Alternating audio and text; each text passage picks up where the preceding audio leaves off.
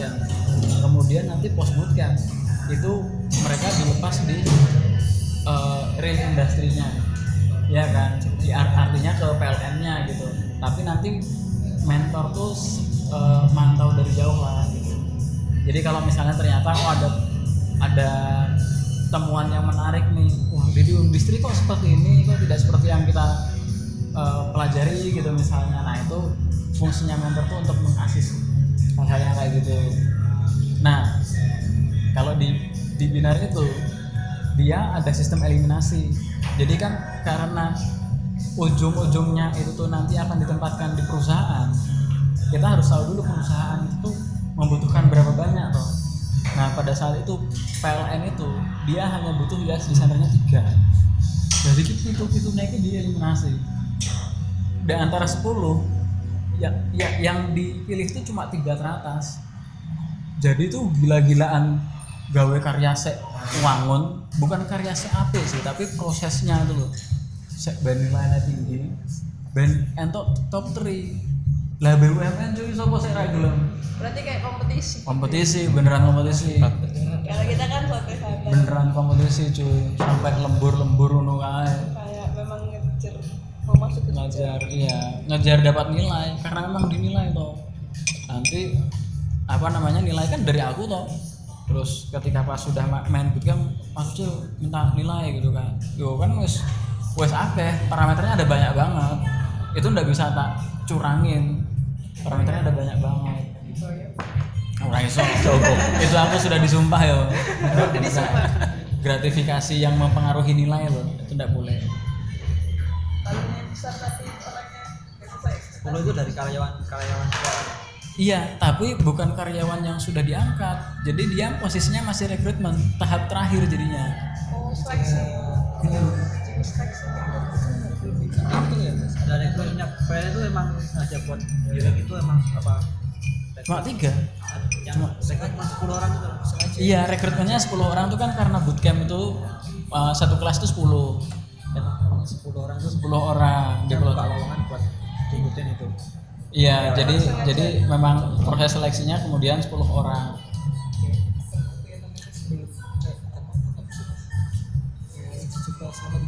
training. Training. Ya, enggak juga sih, itu kayak pelatihan gitu loh, Mas. Oh. jadi dulu tuh jadi dulu itu gini kelas full stack itu jadi di tahap pre bootcamp itu kan nggak ada front end back end ataupun android tuh. Jadi semuanya itu tuh full stack gitu. Full stack itu tuh alokasinya itu sekitar 4 kelas. Satu kelas itu kan 10 orang. Jadi pada saat itu sekitar 40 berapa lah gitu. Nah U, U, UI itu ada 10 orang. Ya kan kelasnya eh, kapasitasnya. Nah pas introduction itu aku tuh baru tahu kan aku baru gabung di binar tuh. Aku di briefing sama akademi Mas Ucil. Kelasmu itu isinya itu yang mau cuma orang dua. Yang lain itu full stack. Sekarang ketika kamu introduction kamu harus menjelaskan bagaimana caranya biar anak-anak yang full stack ini itu mau pindah ke UX ngono kae. Lah aku presentasi kita tuh di US belajar apa aja. Terus program yang kita pelajari nanti apa aja. Macam-macam lah. Kayak aku pertama kali ke das dulu mirip lah seperti itu.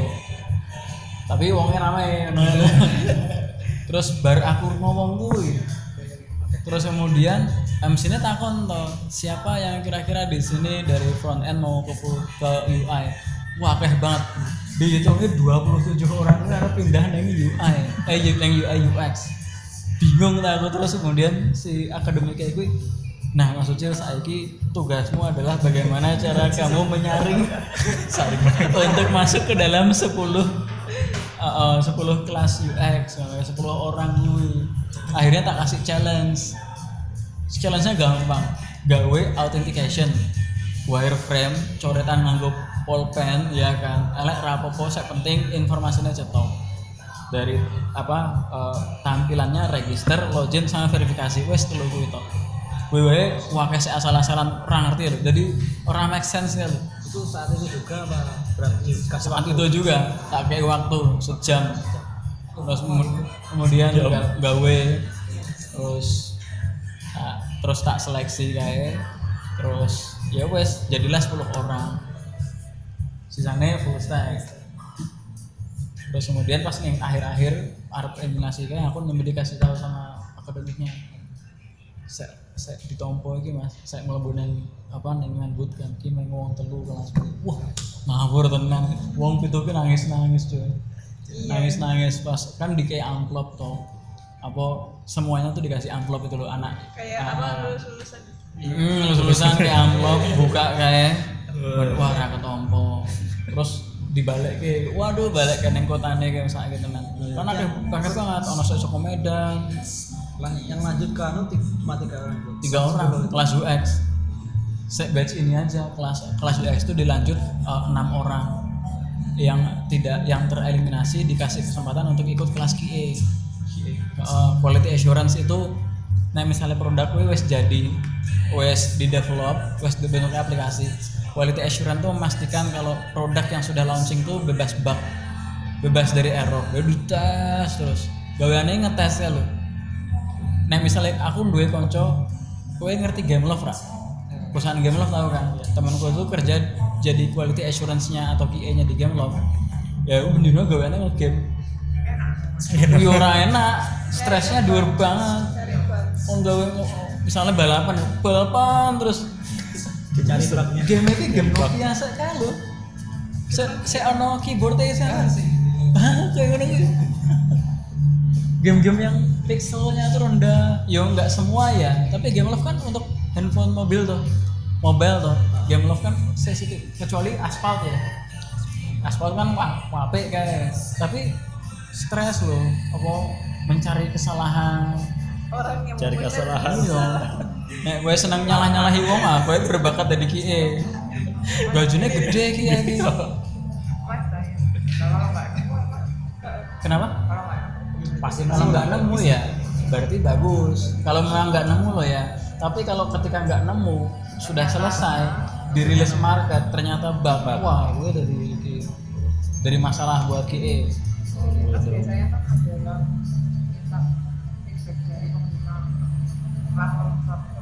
oh, oh. Ya itu juga bisa. Nanti masuknya nanti ke ini kayak list apa laporan gitu sih. Itu nanti dari customer care biasanya tuh. Nanti customer care yang ngasih data ke apa development gitu sih. Serem. Tapi QA QA kan ada dua. Ada yang QA yang dia ngetesnya manual ada yang otoma- automasi. Jadi kita kayak ngasih kayak bahasa pemerintah perintah gitu ngasih perintah gitu nanti dia ngetes sendiri otomatis. Itu juga ada.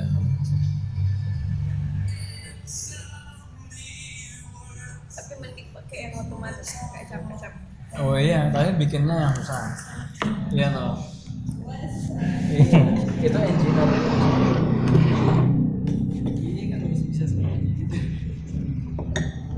Terus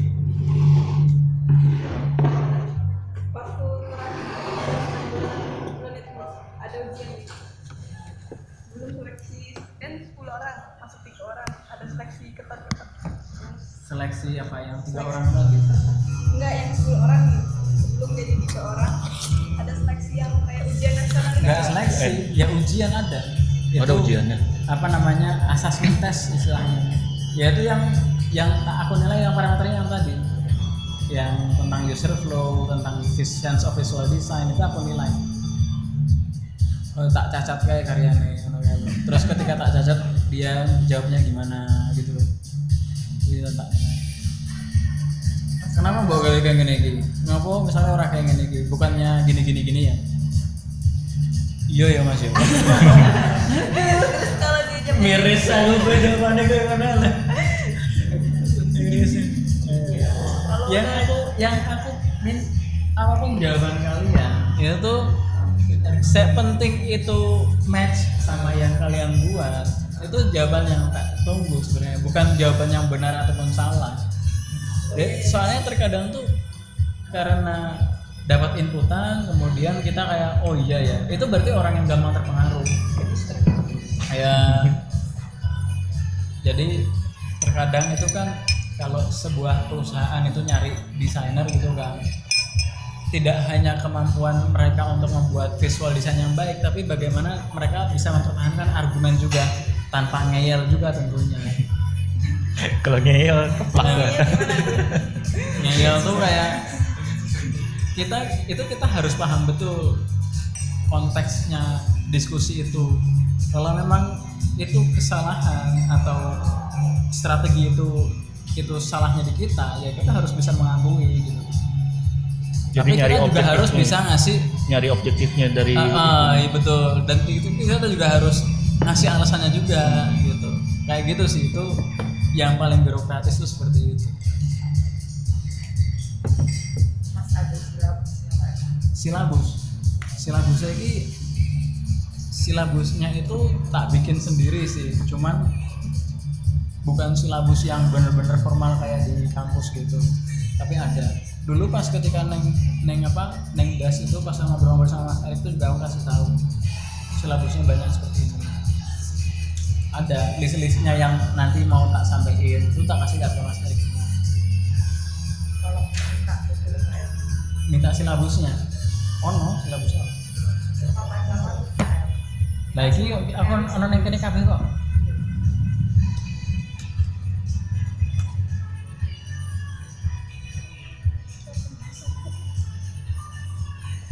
Berarti udah dari sini, eh, udah di sini tadi jam maghrib tadi. Pas maghrib mau. Mau ngobrol. Aku kan ki, nyampe.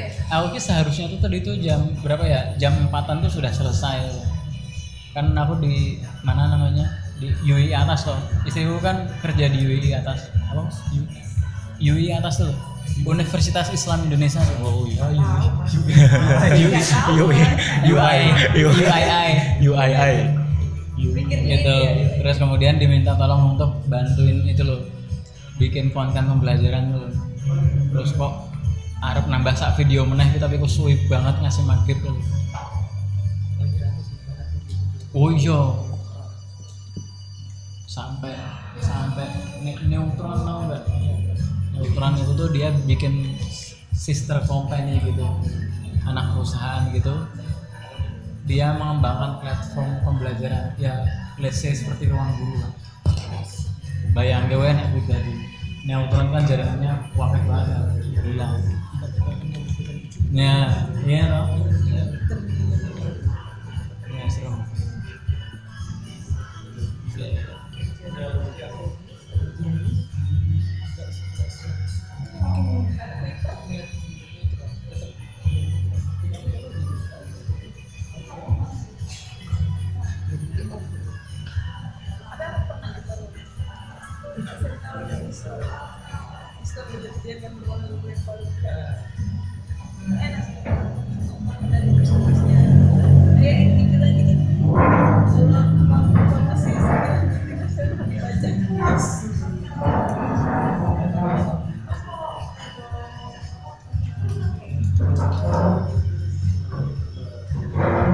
iki loh. Coba bos yang ini gitu. Jadi sesinya materialnya apa deskripsinya ngapain kelas asesmennya ngapain achievement indikatornya apa? Kan seperti ini tapi sederhana. Gitu. Ini ada target per berapa bulan gitu harus? Ini ya per pertemuan. Per pertemuan sebenarnya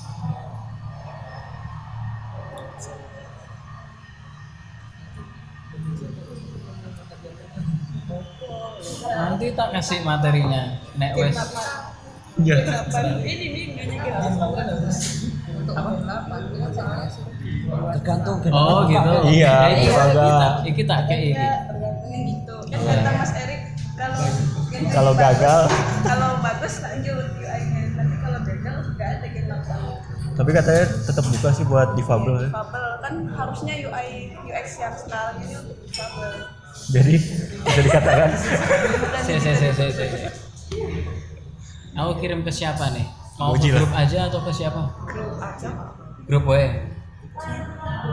biar Yoga sama Fauzi bisa mempelajari Iya, kalau mau iya. kasih termotivasi. Yogo mungkin ya yang utamanya.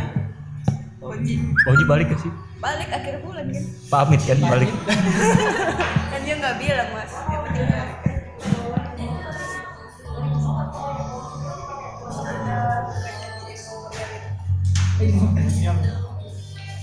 eh gimana tadi tentang disable disable tadi gimana? Iya kan katanya apa kata mas Erik apa UI yang sekarang yang You ini harusnya untuk difabel dibuka untuk difabel.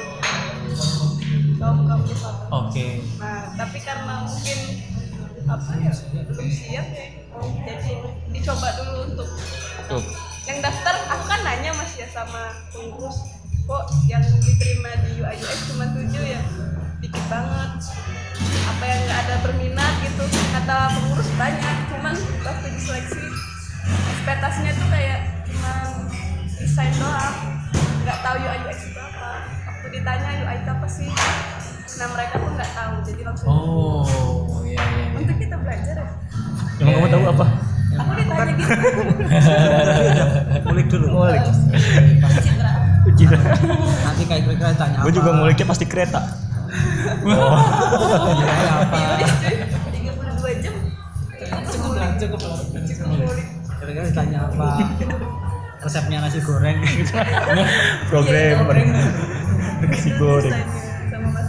Logik. Banyak logika. Awal pas di sana interview kan sempat debat kan. Misalnya UI itu harus bisa coding gak sih? Gitu. Pas awal di sana, pas aku di interview kan, Mas Erik debat sama anak programmer nggak salah. Debat emang apa? UI itu anak UI bisa, harus bisa coding gak sih? hmm. Terus aku pas pas di interview aku debat kamu jawab apa hasil hasil debatnya gimana ya akhirnya nggak apa-apa Nggak bisa coding. nggak bapak nggak bisa coding cuma mungkin harus kita banyak tahu hmm. betul itu menunjang betul sebenarnya pas awal daftar juga tanya dulu sih sama temanku anak programmer itu bilang anak UI itu bakal ngandel front end nggak sih gitu. ya nggak lah ya Nah, kebanyakan desainernya UX-nya Google itu bisa ngoding semua. Aku ngelihat resumnya. Jadi resume-resume desainer yang lolos di rekrutmen Google. Aku lihat resume-resumnya. Resume simple. Yang terpenting itu adalah kalau di resume-nya Google ya bisa bahasa pemrograman paling tidak HTML, CSS, PHP 3 eh HTML, CSS sama JavaScript JS ya 3 terus kemudian UX metodenya itu misalnya kayak uh, us- user interview usability testing dan lain sebagainya harus bisa metode. Terus kemudian kemampuan desainnya itu untuk bikin wireframe untuk bikin interface design dan lain sebagainya itu bisa. Nanti kita bahas lah tentang resume. Nanti biar kalian bikin res resume atau portfolio seorang graphic designer sama UX designer itu beda banget. UX designer tuh benar-benar bikin bikin resume tuh memang untuk fungsi gitu. Lebih simple gampang gawe nih saya penting gue ngerti prinsip desain dasar tuh udah bisa gitu. Hanya saja kayak ada beberapa hal yang mungkin apa namanya perlu kalian pelajari gitu loh untuk menguasai itu. Kalau Mas Ujur sendiri bisa pemrograman? Pemrogram Ah, tapi aku ada kema- kema- ke- keinginan untuk belajar. Aku tuku course neng Udemy kayak kan murah tuh murah sampai JS ada tuh. Aku ya wes sampai CSS sih. HTML aku iso. CSS nya aku sih OTW dunia coding itu banyak yang juga dia it- eh, dia itu ini. Topik ter- tersebut apa apakah UI designer itu eh, harus belajar coding? Kalau harus itu tidak. Yang terpenting itu adalah dia harus tahu prinsip desain dulu kayak misalnya kalau kamu bikin tombol ya bikinlah tombol yang seperti bisa diklik ya kayak hal-hal yang kayak gitulah. Pokoknya tentang usability lah kayak gitu.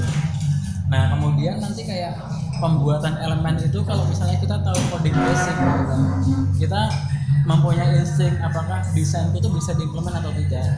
Itu hal yang terpenting. Kenapa kita sebaiknya tahu prinsip-prinsip dasar ataupun cara kerja front end itu untuk merubah desain kita ke dalam apa namanya code gitu. Itu yang perlu kita tahu dan itu bisa banget kalian pelajari itu kalau ketika kalian nanti bekerja di industri tapi di startup ya bukan agensi ya. Nanti kalian akan bekerja barengan sama front end itu pasti akan terlatih. Jadi nanti paling tidak kayak ada pengetahuan dasar lah kayak misalnya ketika kamu buat button atau buat uh, nav navbar gitu misalnya nanti paling dokumen sama ininya sama front end oh ikonnya buat digawe kontainer nah orang digawe kontainer kayak gini gitu oh kita jadi tahu yang harus kita persiapkan kayak gini kayak gini gitu sih. Itu juga aku satu satu persatu gitu belajarnya nggak bisa nggak langsung tak tak pelajari kabeh buku kemudian baru gue aku terjun ke industri nggak kayak gitu kesuwen. Learning by doing kayak apa namanya kalau leadku tuh bilang tuh ketika aku dulu ilustrator kemudian belajar UX itu tuh eh, sebisa mungkin kita eh, sedini mungkin banyak melakukan kesalahan gitu loh. Biar kita tahu benernya tuh di mana gitu. Benernya tuh kayak gimana gitu semakin banyak kita melakukan kesalahan semakin banyak kita tahu benernya gitu. Jadi lebih banyak praktek. Terus setelah das ada mau berencana ke mana? Berarti berarti tapi kan pengabdian dulu tuh ini. Tergantung. Tergantung. Orang sih tergantung orang masih pribadi kalau mau udah udah kerja pasti di luar bisa cabut bisa oh kalau gitu. sekarang udah dapat kerjaan oh gitu Karena kerjaan yang sesuai maksudnya sesuai tujuan dia lah. Bisa cabut dari itu oh gitu. Kemarin tidak perlu angkatan- diselesaikan. Gak ada selesai tergantung. tergantung kalau dari kontraknya sih harus. Dari implementasi sebelumnya sampai sekarang. Jadi cabutnya tuh itu tanpa pengetahuan sepengetahuan mas Heri. harus Harus tahu. harus jelas cabutnya itu. kan kayak angkatan Gen 6 kemarin ada yang udah masuk Infinite. 9 bulan juga nggak salah. Infinite Batam ya aku ada jelas aja tujuan? Cuman kita masih rekor kan Alpan di book jadi editor. Kita rekor jam tujuh. Berapa berapa? Berapa bulan? Tuh berapa bulan kemarin langsung cabut rekor kan? Nah intern bisa boleh juga. Boleh Ter- tergantung pribadinya masing-masing. Kemarin-kemarin ada beberapa studio temen yang lagi intern bukan intern ini kayak aku juga lagi intern kayak. Lagi cari cari-cari atau sudah? sekarang dia topik lagi intern. Kan Oh, iya? ngerjain project. Ya in eh se se koncomu kayaknya yang visual kreasi itu. Oh iya itu. Kamu lagi intern di sana? Nggak tahu. Intern apa apa ya? Kayak katanya intern. Digaji nggak? kontraknya mas oh kontrak ayo berarti tiga bulan sampai Oktober. Oh ya ber- probation. Berarti wes kerja gitu sip lah. Ya sambil belajar. Iya lah sambil belajar lah. Dan nanti sensinya kan tambah tambah ini tambah tajam tambah tajam gitu sih. Jadi pangan loh. Ngapain ngeliatin gua ya ya ya nah terus nek kamu dulu jadi setelah ini ke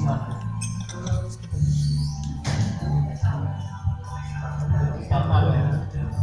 studio enggak masalah. Studio, studio itu plusnya itu adalah dengan waktu yang singkat itu kita banyak mengerjakan project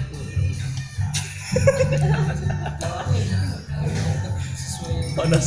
Enggak dengan role dengan role ya. Soalnya pengen tertarik lebih dalam di situ gimana sih nanti di industrinya Ah, aku keluar sendiri nanti bisa misal nyari pekerjaan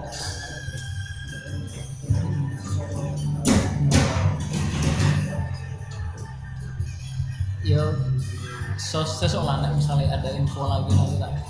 Soalnya ini kalau kalau di Binar nggak boleh bisa nggak boleh. Kalau kalau masih dalam masa studi dan Mas Erik tuh kayaknya juga bilangnya nggak boleh. Kok nggak boleh sebenarnya mas. Nggak boleh. Nggak boleh. cuman pas gen berapa baru gen gen diperbolehkan iya pokoknya pokoknya gen 1 gen 2 tuh belum nggak boleh diperbolehin gen satu gen dua kalau ketahuan ya udah di di keluar saya aja nggak boleh gen satu gen dua dulu. Sekarang waktu udah pindah ke Jogja nih baru agak longgar kok peraturan. pindah ke Jogja? Kan awalnya dulu di oh saya ungaran kae di hotel. Iya tahu tahu tahu. Saya pinggir jalan tahu sekarang udah sekarang udah dipindah agak longgar kataku oh gitu. Gak tau juga sih mas, tapi pasti ini lihat-lihat angkatan sebelumnya ya. Angkatan Gen 6 oh gitu.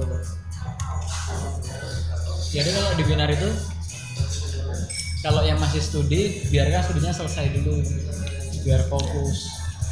Jadi kemudian nanti baru nanti kalau udah selesai baru nanti di uh, apa bekerja gitu. Boleh di bekerja. Jadi mentor sendiri pun misalnya nih ya aku ngajar di kelas UX tidak boleh nawarin studinya itu gawean itu tidak boleh.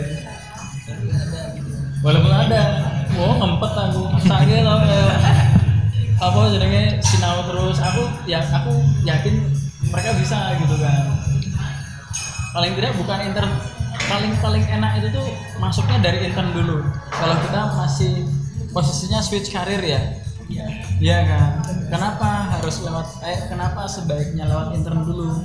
Karena di intern itu responsibility atau tanggung jawab kita tuh sedikit. Gitu. Jadi kalau misalnya proyeknya tuh krusial paling kita jadi asosiat dulu kayak pembantu atau yang mengasisteni orang yang memang involved ke dalam proyek itu. Jadi kita belajar di sana belajar proyeknya itu. Walaupun memang gajinya sedikit dikit banget yang Jogja intern itu. Gajinya dikit. Tapi bukan itu yang dicari. Intern itu kan biasanya kan tiga bulan dua bulan. Nanti kalau sudah nanti dievaluasi. Kalau performa kita baik nanti jadi karyawan mereka. Kalau enggak ya ya sudah sampai intern doang kerjasamanya gitu. Tapi kalau misalnya ke pos ini kayak Taufik bawa entek kayak wae energimu. Dinggo fokus neng itu gitu. Nanti kan dapat posisi. Tapi sebelumnya gue kerja apa sih di itu mas pro produsen sarana lalu lintas. Produsen? Sarana lalu lintas kayak lampu traffic light Ah. lampu aku bagian IT bagian IT nya bagian desain lah mas. Ngedesain ya? Udah ngoding bukan ada yang Oh. ada sendiri. Oh gitu. Awalnya dulu pas awal ditawarin teman gua. Teman gua kan anak programmer kan di situ. Ya dia butuh desainer. Buat desain tuh dulu ada kayak bikin startup ojek online di lokal lah di iya. Aku ditawarin suruh buat desain desain gitu loh buat, buat aset asetnya kayak logo ikon dan sebagainya itu ya ya bikin UI tapi ya cuma seanunya se Ya, ya. seawal kadarnya berarti iki nanti kalau misalnya apa generasi kalian sudah selesai nanti generasi sel- eh, generasi untuk generasi selanjutnya dievaluasi. Apakah ada kelas UX lagi atau tidak. Tapi proses evaluasinya bagaimana? Gak tahu sih Mas Erik. Kita nanya gimana Mas? Yang kamu nanya dengan Mas Erik itu? Apa? Yang ada kelas lagi nggak? Ya ada UX lagi nggak di dan Gen 8 ya jawabnya itu. Apa sih kemarin? Kalau yang kalau yang ini berhasil parameter berhasil itu dari mana? Nah. Nggak tahu ya apakah Masih apa banyaknya orang yang tertarik. Bukan banyaknya orang ya banyak banyaknya orang yang tertarik atau banyaknya banyaknya lulusan yang bekerja ya nah itu. Belum tahu juga sih parameternya dari Mas Erik. Cuman Mas Erik bilang gitu ya tapi kalau intinya kalau UX design itu beda sama desain grafis sih. Kalian ngerasain sendiri kan ya? Beda. Karena salah satu salah satu soft skill yang dinilai di binar itu untuk UX designer juga atau orang-orang yang bekerja di ranah IT itu salah satunya adalah critical thinking juga. Bagaimana kemampuan kita tuh untuk menerjemahkan solusi dari sebuah problem itu dalam bentuk visual. Gue di rumah angel tapi itu butuh kebiasaan gitu. Jadi kayak kita mendesain tuh untuk menjawab sebuah solusi itu kayak gitu yang bedain. Makanya aku tertarik banget di dunia UX itu karena ya purely design gitu. Uh, kayak mengesampingkan estetik tapi mengedepankan functionality gitu. Itu sih. Kalau logo kan ya how it looks doang. How it looks how it looks how it looks gitu kan. Kalau di UX tuh how it looks how it feel how it works. Warna akeh banget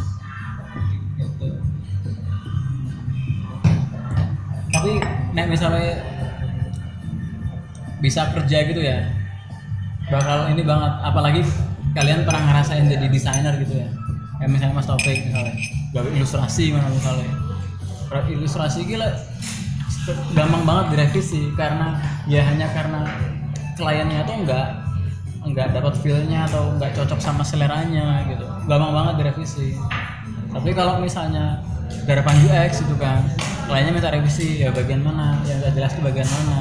Kadang malah kita tuh bisa berdebat sama klien kita gitu. Atau nek misalnya debat ya ujung-ujungnya kan kita tetap harus ngalah. Karena duitnya kan mereka Iya, iya. ya tenang. Ya aku ngalah gitu kan. Oh iya dulu wae. Terus, terus kemudian beberapa flow gitu kan.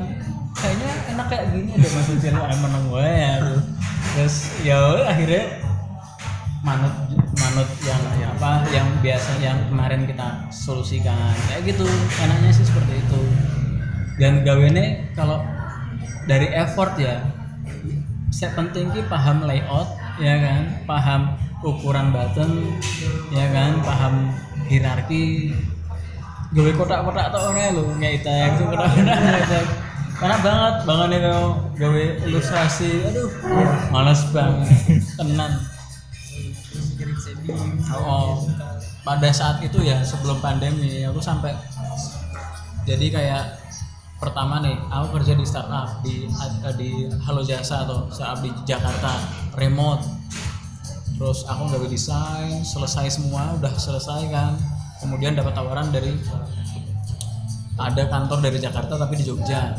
Tapi itu kantor tidak boleh disebutkan karena produknya itu membuat mesin politik Wow, serem cuy.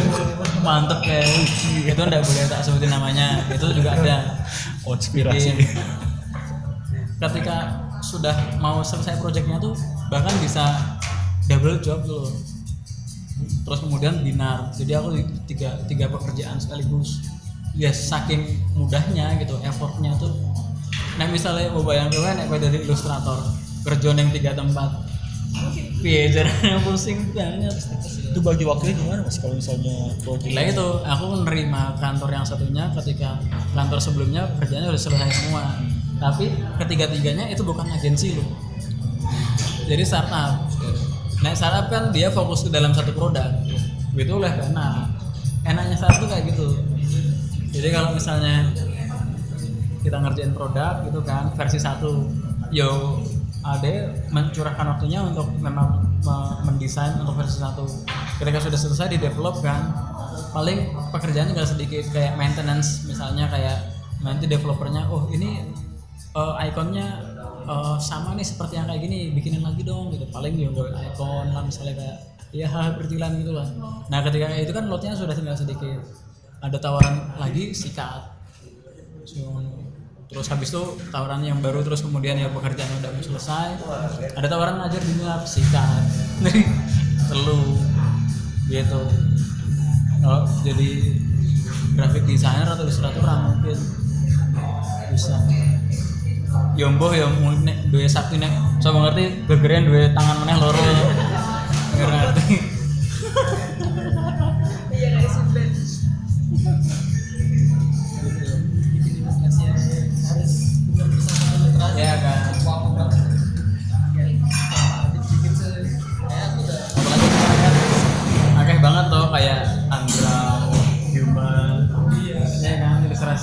gak comot-comotan enak banget tuh dari UXY terus dulu ilustrasi kayak gitu dipakai boleh nggak? Hmm? jangan dulu pakai Boleh. di, di aplikasi. Boleh. boleh. Komersial wis itu. Saya tak senengi ya ilustrasi saya gratis sih saya ikut kamu pernah tak kasih lihat eh, tak kasih tahu di rumah aja XYZ kan ya? Itu kerjaannya anak Sebo Studio temanku. Nah itu kan salah satunya kan ada source untuk ilustrasi gratis si Eh, apa tuh jenenge di rumah aja. Dot xyz tuh. nah ini loh. Se- di yang dulu ini. Kan belajar UI UX nah kemudian ada yang di Se- gitu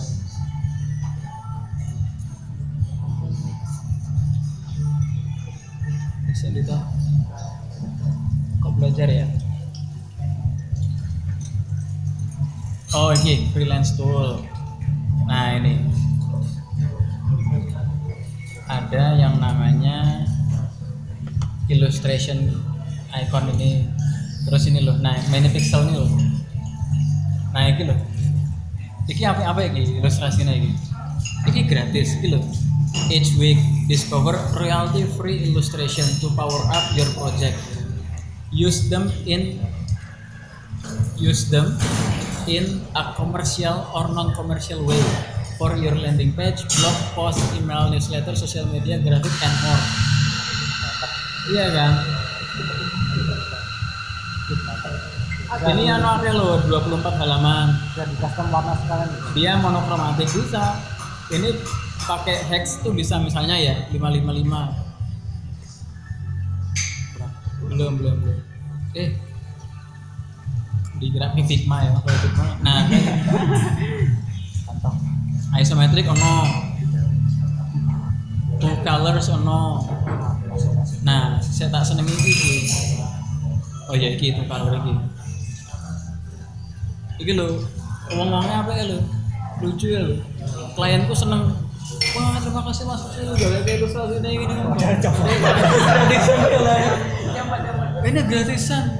Serius Bu. tapi bagus loh ya syukurlah kalau bagus.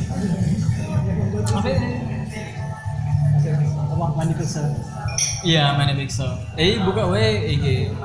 Eh, di rumah aja X, X Y Z terus kemudian saya IG saya eh, apa namanya? Eh, yang mana tadi? Ini ya, many pixels.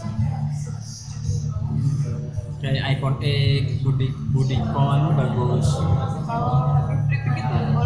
komersial Nah, itu dia harus ngantongin kredit seharusnya ya. Aku ra, begitu su- suka sih kalau pick kurang kurang ini. Kalau gambar-gambar pakai Texas atau Unsplash, Unsplash dua ini lah. Itu.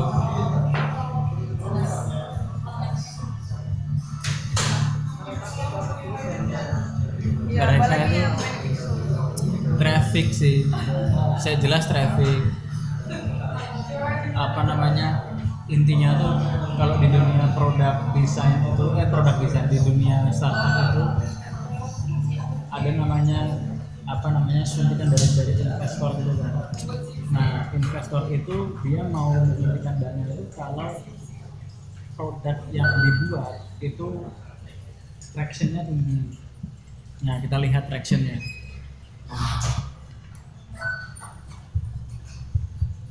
traction startup. Nah itu. Orang main grafik bro. Si nah ini.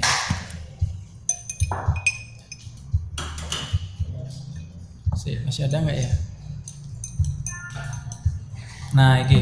Nah jadi apa namanya eh, dia itu mempertimbangkan ini Nah, traffic ini adalah profitability, seberapa profit produk tersebut. Kemudian revenue, uang yang kita dapat itu apa namanya dari produk itu tuh berapa gitu misalnya. Active usernya itu berapa? Active user itu termasuk traction. Jadi kayak semakin banyak orang yang aktif menggunakan produk tersebut, tractionnya semakin tinggi. Terus registered user, user yang terregistrasi itu berapa? Semakin banyak, maka tractionnya juga semakin bagus tuh. Engagementnya, engagement tuh misalnya jumlah downloadan itu engagement jumlah user yang share itu engagement terus partnership sama kliennya itu kalau B2B terus traffic yang terakhir Hah? enggak ini kan ah, yang untuk bayar Oh ini temanku ada yang bekerja di Pixel ya. Dia itu core bisnisnya tuh nggak jual-jual ilustrasi gratis, tapi dia punya service itu kayak menghai apa namanya memperkerjakan desainer-desainer mereka. Jadi ada desainer yang sudah terregistrasi, yang sudah terdaftar di timnya Pixel. Nah nanti eh, klien-klien yang datang itu eh, dia kayak meminta mem- membuat desain landing page, desain aplikasi gitu. Tapi cuma UI toh, tidak sampai UX ranahnya. Nah, itu nanti di dikerjakan sama desainer-desainernya. Itu core bisnisnya dia di situ sebenarnya. Splice itu gratis. Terus Oh iya, yang upload itu tuh ya senang-senangnya dia tuh kayak apa namanya terkadang itu kayak temanku dia jadi kontributornya Pansplash. Jadi kita pun bisa sebenarnya. Nanti setiap setiap berapa eh, periode tertentu gitu kita dapat email oh jumlah saya ngedownload kayak gitu sih. Nah itu aku nggak tahu monetize-nya untuk kontributornya aku nggak tahu. Kalau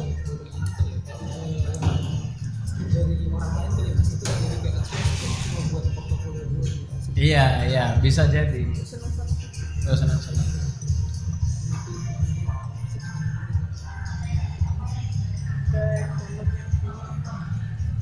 Makanya biasanya ketika produk itu baru jadi banyaknya user yang register itu penting banget.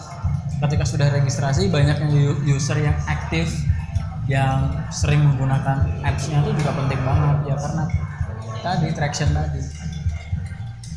Traction ini yang membuat sebuah startup itu tuh dibiayai.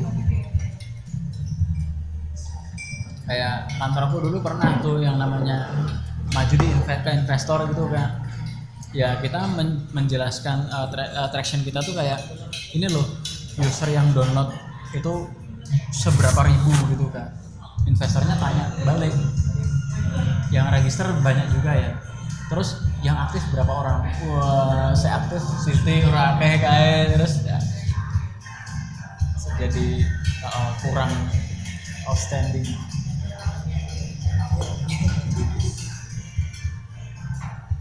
gitu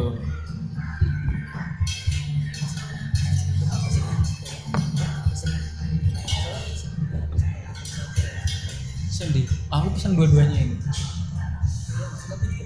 Oh iya, ditanyain aja.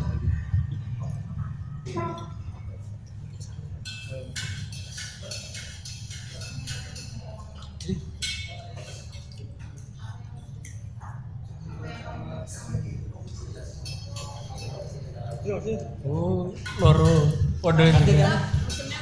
Ganti menu menu yang ganti menunya Iya tanya aja, sudah diproses belum ya? Kayaknya dapurnya sepi-sepi Bang. Ini orang kok rawon kok doang kok dibungkus.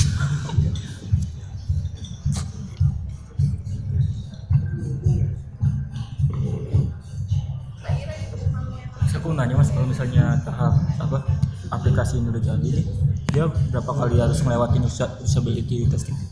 Oh, usability testing itu cara yang mudahnya tuh kayak sebatas se- sejenis kayak gini loh mas. Misalnya nih ya, kayak kita mendesain form untuk register atau login. Itu nggak usah di usability testing semua kayaknya bisa. Ya enggak toh nah biasanya tuh yang di di testing kan itu kalau ada pattern yang unusual tuh loh. Kayak atau kita kayak ragu-ragu tuh loh.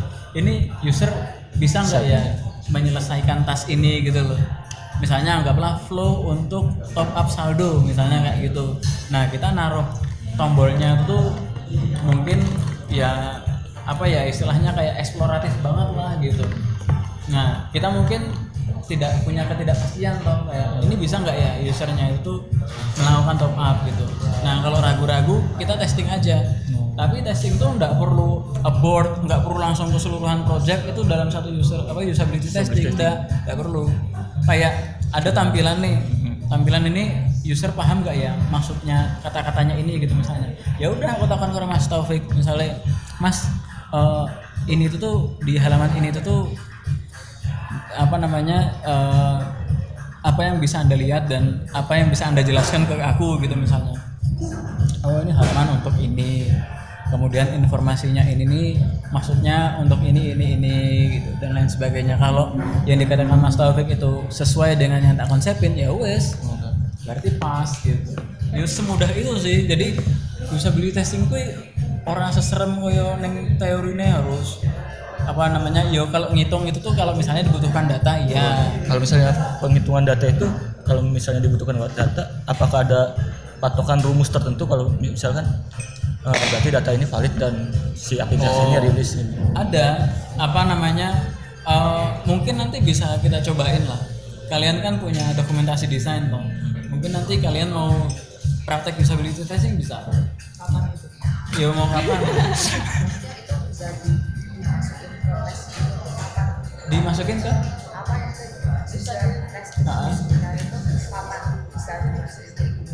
oh itu setelah desainnya jadi. Jadi sebelum de- development yang jelas. Sebelum development kan kalau development kan mumet toh bisanya dibikin coding gitu kan biar bisa diinstal dibuka di web gitu kan. Nah sebelum proses produksi paling tidak tuh tahapan desainer tuh memvalidasi dulu. Desainnya tuh benar-benar bisa digunakan atau tidak. Nah prosesnya dinamainnya usability testing. Jadi ketika kita sudah selesai dengan desain kita di testing nih.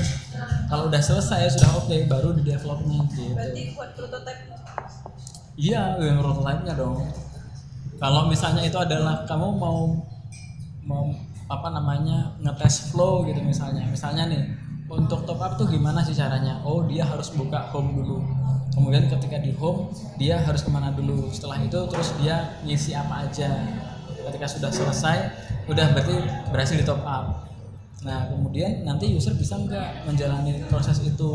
Itu pakai prototype nanti dibikin prototipe di Figma kan bisa Ya, kalau dalam usability testing itu kita perlu berapa sampel user sih no sampel usernya itu pada prakteknya sih biasanya kita tuh tiga aja cukup. Oh tiga cukup. Tiga. Pada prakteknya ya kayak di kantorku tuh tiga cukup. Tapi secara teorinya itu paling tidak lima delapan orang. Lima maksimal delapan. Tiga itu dari masyarakat luar atau Nah itu. kantor saya penting itu sesuai dengan personanya. Kita pernah nyinggung persona kan. Ya misalnya kayak gini nih. Eh, aku pernah cerita itu ada eh, yang di batch yang di Binar itu kan dia lagi ngerjain mobile banking untuk eh, pengadaan hunian untuk milenial. Nah itu untuk kita melakukan usability testing apa namanya uh, untuk kita membuat produk itu kan harus kepada orang yang memang milenial dia mempunyai rencana untuk mengadakan apa uh, pengadaan rumah kan pengadaan hunian toh. Nah itu kan ada namanya research panel tuh. Research panel itu tuh kayak kita mencari respondennya kan berarti kan respondennya harus cocok toh. Nah itu biasanya kita melakukannya itu lewat IG kita kita bikin pertanyaan di IG kan. Eh, teman-teman di sini ada nggak yang mem- apa yang memiliki perencanaan hunian rumah gitu misalnya atau hunian KPL oh ada oh ada oh ada nah itu kan dari situ kan kita paling tidak udah tahu toh kita bisa saring lagi nih. Eh, orang ini oh orang ini mau nggak aku interview? Misalnya aku DM gitu. Kalau mau ya sudah kita interview. Ketika mereka interview mereka pengen produknya eh kebutuhan mereka itu seperti apa terus kemudian kita bikin produknya. Ketika kita testing kita kembalikan lagi ke orangnya. Yang tadi yang jadi partisipan kita. Dia bisa nggak oke ini ada produknya nih yang untuk memenuhi kebutuh- kebutuh- kebutuhanmu. Kamu bisa nggak menggunakan produk ini? Kita kasih skenario. Coba kamu apa kita simulasikan kamu itu adalah seorang milenial yang ingin mengalokasikan 50% dari pendapatanmu untuk me- uh, untuk uh, meran- uh, mer- merencanakan sebuah hunian KPR Nah sekarang silahkan gunakan aplikasinya sampai proses eh, cicilan pertama selesai gitu misalnya. Nah, nanti dia bikin eh menggunakan prototipenya toh. Nah dari situ nanti kita kita scoring gitu. Yang salah berapa, error numbernya berapa, yang sukses berapa. Nanti ada perhitungannya berapa persen gitu. Terus kalau kita mau riset mas, lebih efektif mana wawancara atau kuesioner? Wawancara atau Kuesioner. kuesioner? Wawancara dong. Kuesioner itu kuesioner itu enggak kita enggak sepenuhnya dapat insight. Memang kita dapat jawaban, tapi kita tidak dapat insight. Kayak kita uh, belum tentu bisa menguncover yang tidak user sadari. Terkadang itu ya yang menjadi permasalahan user sebenarnya bukan masalah buat dia, tapi yang kita pikir itu masalahnya user ternyata bagi user itu bukan masalahnya dia. Nah itu hanya bisa terjawab kalau kita interview gitu. Kalau misalnya questionnaire kan kita cuma memvalidasi. Kalau prosesnya untuk memvalidasi itu pakai questionnaire oke. Tapi kalau gain the insight, mendapatkan insight, mendapatkan oh ternyata tuh user tuh problemnya ini loh dan dia tidak menyadari itu. Nah itu pakai interview. Gitu. Biasanya interview sih metodenya. Kayak usability testing kan juga ada interview di dalamnya. Gitu. Kuesioner kan apa namanya kayak ini kan kuantitatif tuh. Jadi memang kita tahunya angka gitu. Berarti eh, bisa dilakukan kuantitatif dan kualitatif. Ya bisa sebenarnya, bisa sebenarnya. Kayak usability testing pun bisa dia kuantitatif. Ya tadi kayak menghitung seberapa persen suksesnya, sukses rate-nya berapa, error rate-nya berapa. Itu bisa. Seberapa efis apa dari dari 10 partisipan berapa orang yang pas ataupun lolos untuk menyelesaikan tes gitu. Itu kan kualitatif, eh kuantitatif. Tapi ketika ada orang yang salah pencet atau tidak bisa menyelesaikan ininya eh, testingnya, kemudian kita tanya kenapa, why-nya itu, itu kan kualitatif. Jawaban dia jadi kualitatif. Oh soalnya ini mas, aku mau upload gambar, tapi kok icon kameranya orangnya abu-abu ya, kayak seolah-olah nggak bisa nggak bisa dipencet. Itu kan kualitatif. Itu kan hanya akan bisa didapat kalau kita interview kan nah itu itu kualitatif. Berarti lebih efektif kan kualitatif kalau iya kalau misalnya kasusnya kayak tadi nih da- dalam satu, satu dalam satu flow ada satu bagian di mana user itu tuh mengupload dokumen. Ya kan kalau kuantitatif mungkin kita dari 10 responden kita akan tahu berapa orang yang bisa mengupload dokumen. Oh dari 10 ada 5 limanya gagal. Kan sudah sampai situ doang. Why-nya itu apa? Kan kita nggak tahu. Kita hanya akan tahu kalau kita tanyakan. Gitu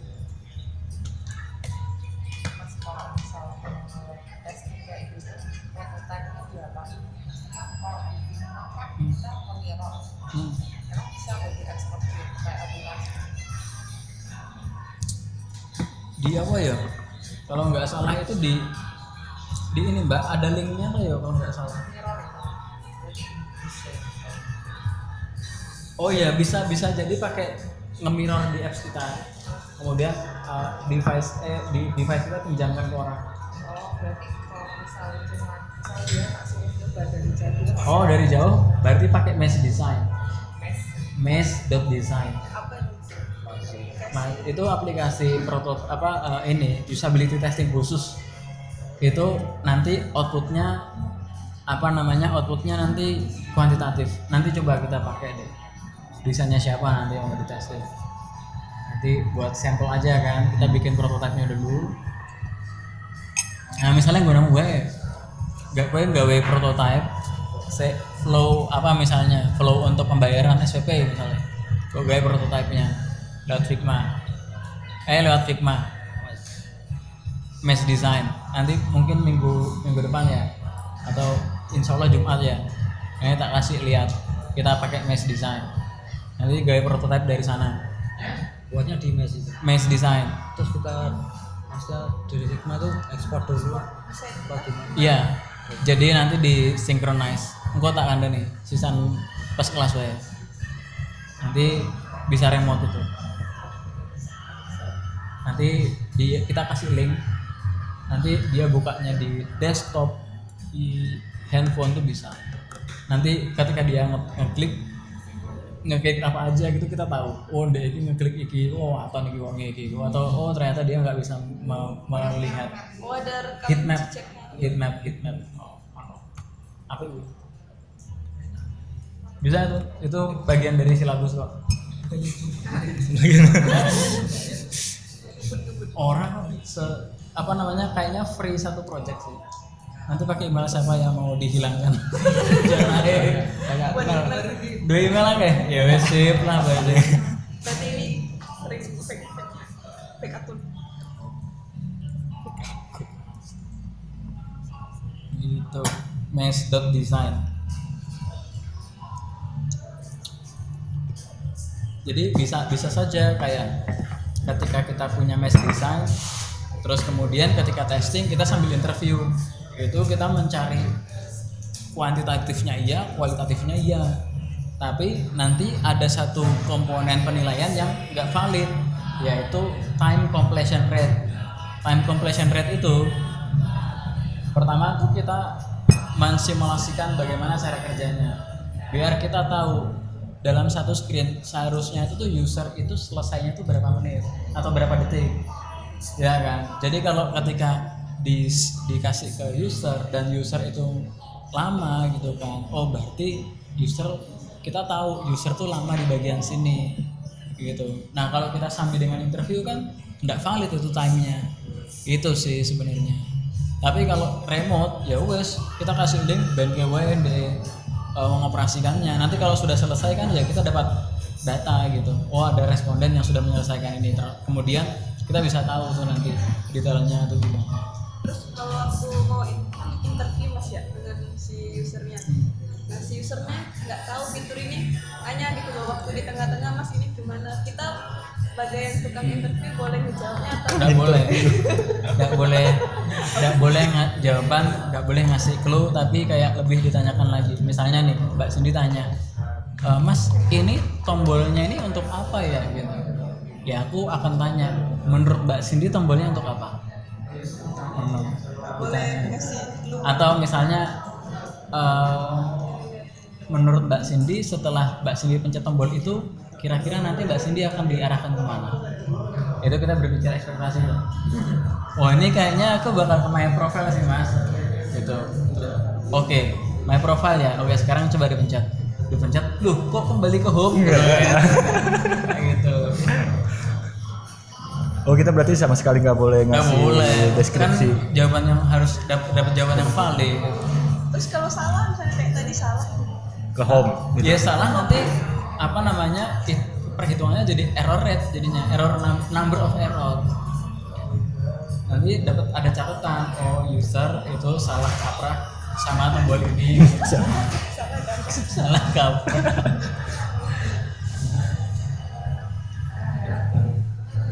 Testing itu kalau di kebutuhan industri itu sebenarnya kayak kebutuhan kita doang sebagai desainer sih untuk memvalidasi. Ya kan kita nggak mau toh produknya sudah launching sudah de- develop ya kan sudah rilis. Neng tengah jalan ki kok ora ora ono sek neng home kok ora ono transaksi.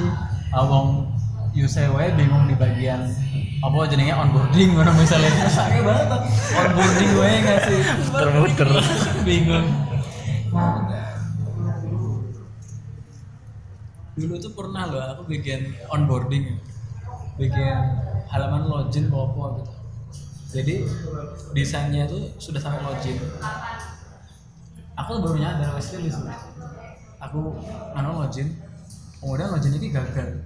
Terus kemudian gagal-gagalnya tuh iki balik nang register mana di tombolnya rano stuck nang login gitu orang nonton tombolnya aku gak ini wah waton nih gitu terus. Jadi tiket kayak. Ya kan kayak gitu kan harus divalidasi dulu tuh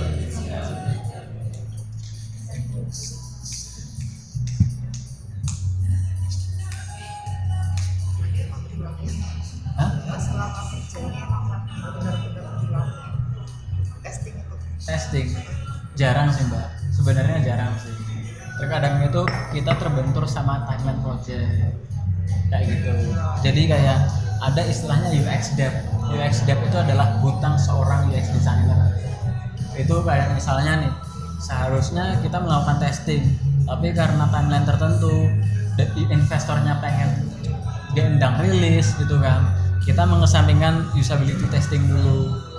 Dalam artian nanti kita akan kerjakan ketika ya produknya sudah rilis atau iterasi yang kedua atau versi yang kedua.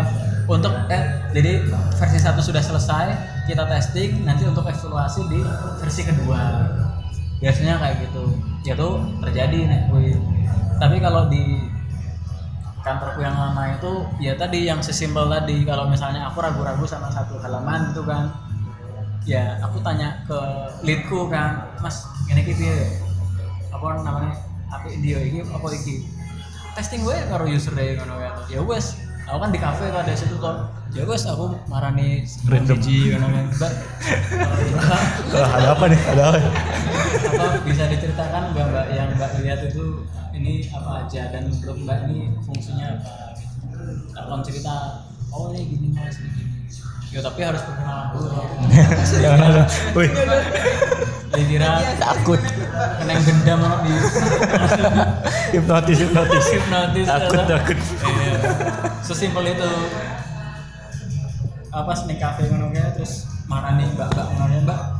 Eh, lebih apa? Nut. testing. Boleh tuh boleh. Masuk modus ya, naik kelas. Kelas modus. PDKT cara baru mas ini wae kok takon takon aku. Udah mas. Orang ya kan perkenalan dulu. Mas, mas mbak ini aku lagi isi nomor handphone. Ini aku lagi? Bantu ini. Oh iya input ya? Mbak coba input. Ini nomor HP-nya? Kayak SPG rokok. Pengalaman. Nih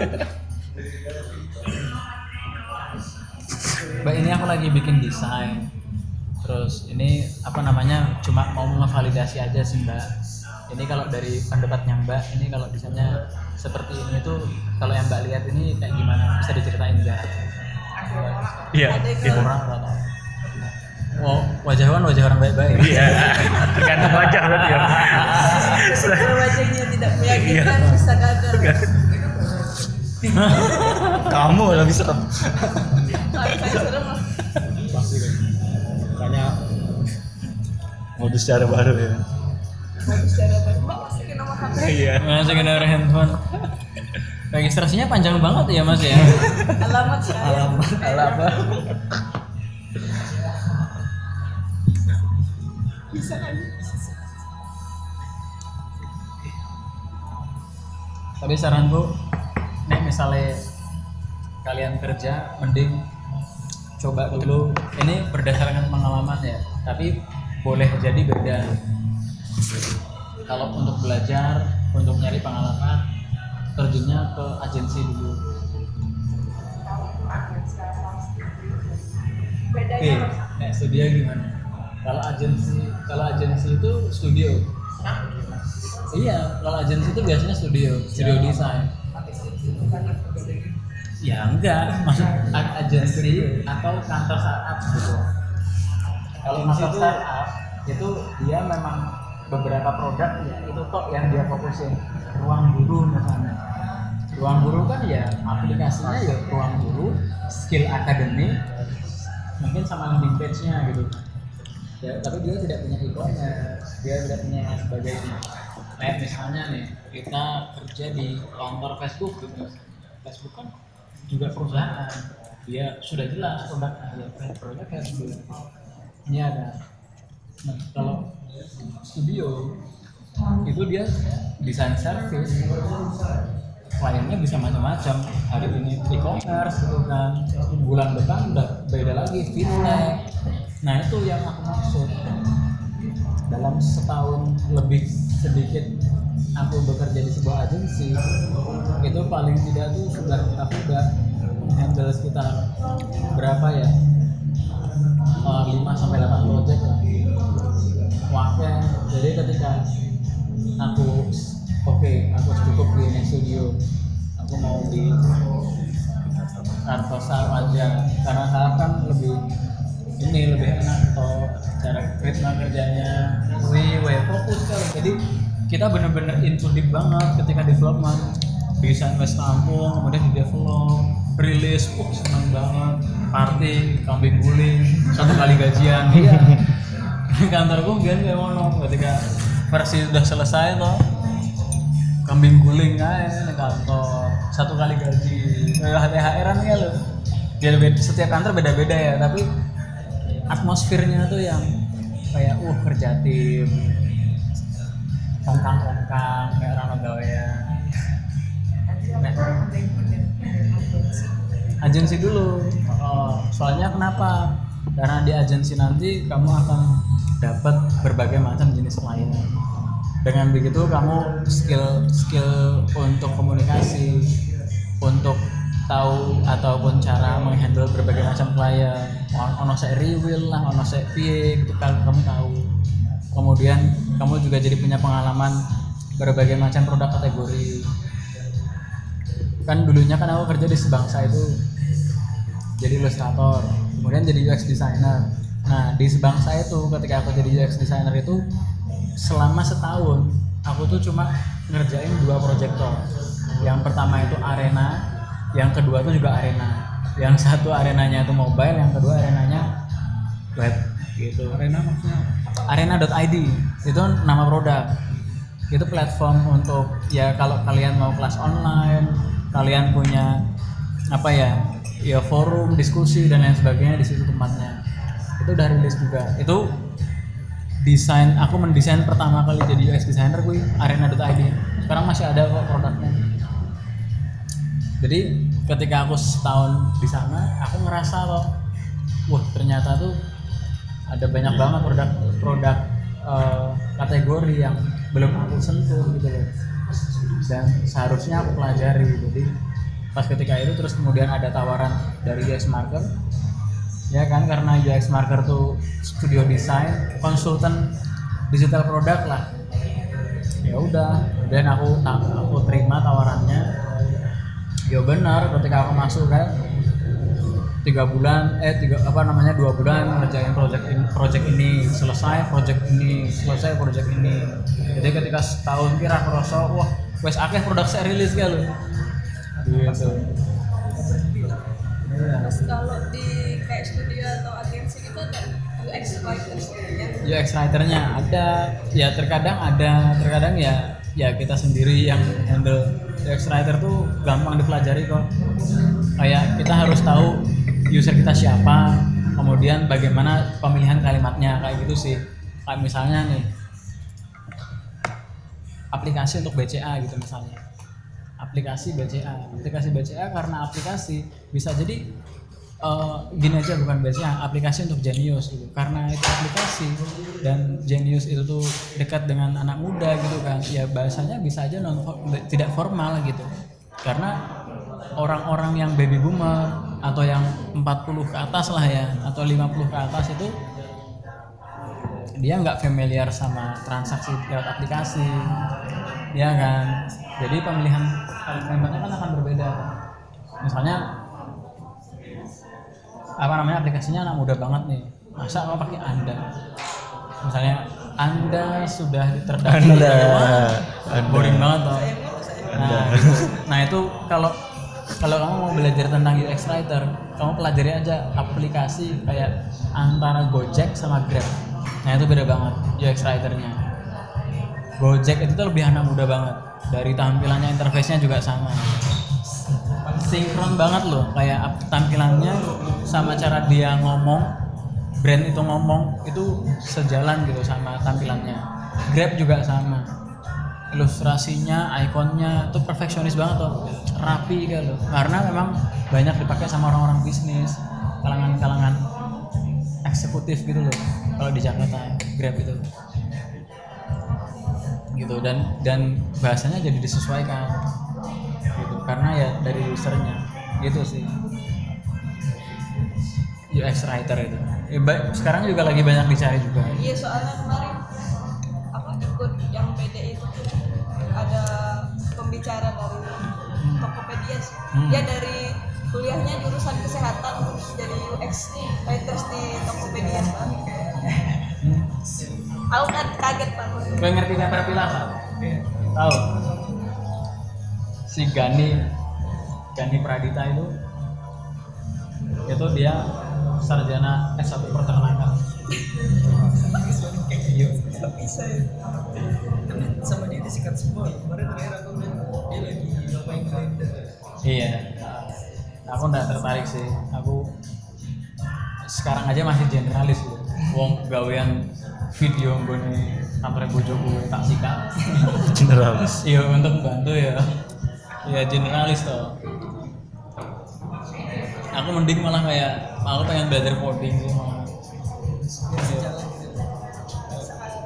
Sekarang saat ini aja ada gap kan antara desain yang bisa diimplement atau tidak gitu. Iya kan. Jadi itu challenge juga sih. Kalau aku sih lebih aku kedepankan fungsionalitas boro-boro desain sing apik yang apa eh, desain eh produk udah jadi desainnya apik tapi marketingnya jelek UX-nya jelek gitu kan. penggunanya Siti kan yang kedua ya jadi sebaiknya functionality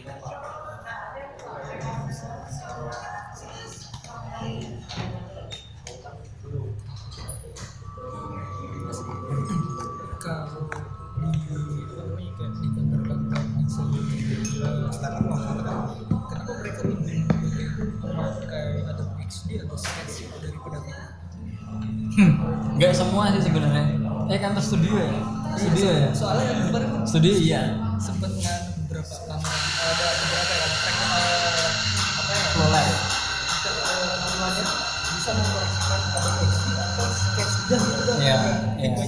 loh Iya. ini Iya, aku nggak tahu sih. Ada beberapa orang yang sentimen banget sama Figma gitu. Nah, iya. Jadi kalau zaman dulu ya, flashback lah. Dulu itu belum ada tools yang spesifik untuk UX dulu. Jadi aku lek gawe desain pertama kali itu pakai Photoshop atau Illustrator. Koncoku malah ono sing nganggo Corel Draw. Untungnya ora ono sing nganggo Paint. atau recycle. Jadi pada saat itu tuh pakai AI ataupun pakai Photoshop. Kemudian untuk pertama kalinya tuh muncul Sketch. Ya kan? Dan Sketch itu requirementnya adalah Mac. Nah, itu titik awal ketika aku itu pindah sebagai Windows user itu ke Mac. Dan aku itu merasakan perbedaan environment kayak kebiasaan. Saya, wah Mac ngene banget gitu loh daripada Windows gitu. Itu beneran tak aku temuin. Jadi jadilah fanboy namanya. Tapi awalnya aku itu pindah ke Mac itu ya karena Sketch. Murni karena aplikasi itu gitu segitunya menurut dan itu membantu banget karirku Sketch itu. Kemudian setelah Sketch berkembang Adobe XD Adobe XD ya. Tapi ketika Adobe XD Figma tuh sudah muncul sebenarnya tapi fiturnya masih sedikit plugin-nya tidak banyak. Plugin lebih banyak di Sketch dan alasan kenapa tidak hijrah ke Figma pada saat itu ya karena plugin-nya masih banyak di Sketch. Juga.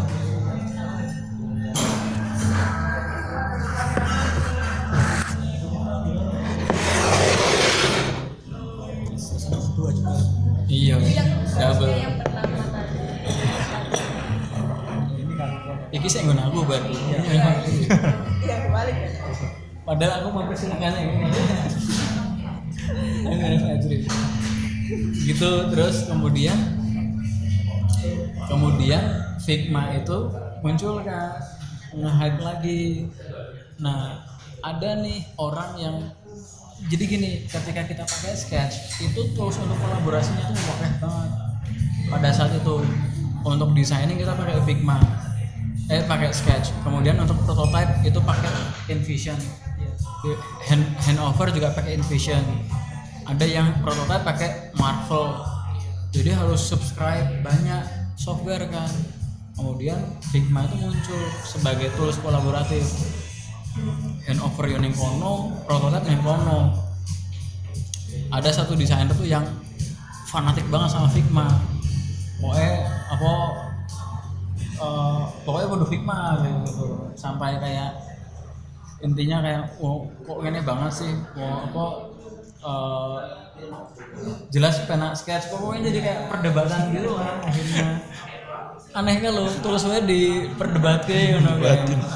tapi jelas pada saat itu ketika Figma udah udah ini sudah ke atas sudah naik studio-studio yang sudah besar di Jogja itu dia sudah memang ekosistemnya dia ya sudah beli MacBook untuk sketch gitu kan. Ya dia pakai sketch gitu. Karena untuk mendesain bukan untuk mendesain kayak kayak misalnya Sebo terus Omni kemudian kayak Pepperpilar itu percaya nggak percaya mereka bikin ilustrasi itu pakai sketch juga.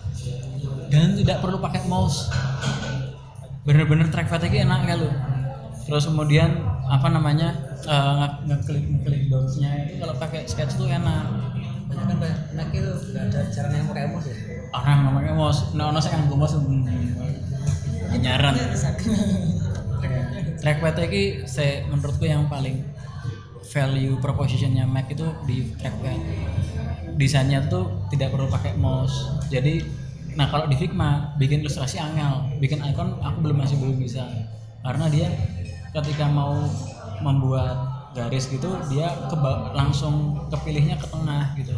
Tidak secara customize dia toh? Hapus aku ya bisa. Hapus. Dot ngapus dot rada angel. Dia harus ditemukan toh titiknya. Baru hilang. Kalau hapus jadi objeknya nggak jadi objek. Iya heeh. rada angel. Jadi rusak nah hapus salah satu jadi jadi kalau kalau yang kayak studio-studio yang sudah berkembang itu yang sudah besar di Jogja. Ya karena memang dia sudah menggunakan sketch itu sebelum Figma tuh udah muncul. Dan sketch itu kan pembayarannya enak sebenarnya. Di apa namanya bayar bayar eh, satu satu tahun gitu kan.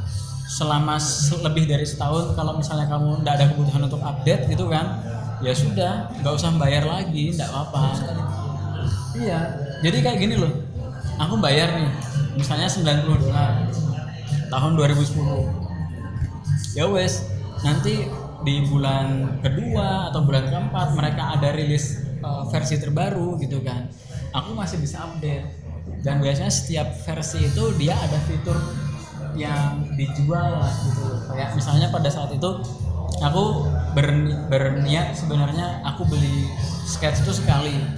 Kemudian nanti apa namanya nggak usah diperpanjang lagi lah gitu. Nggak usah beli lagi setahun gue terus kemudian wes setahun ora iso diupdate atau apa apa kemudian muncul updatean iso gue prototype pas semua terus tuku meneh aku.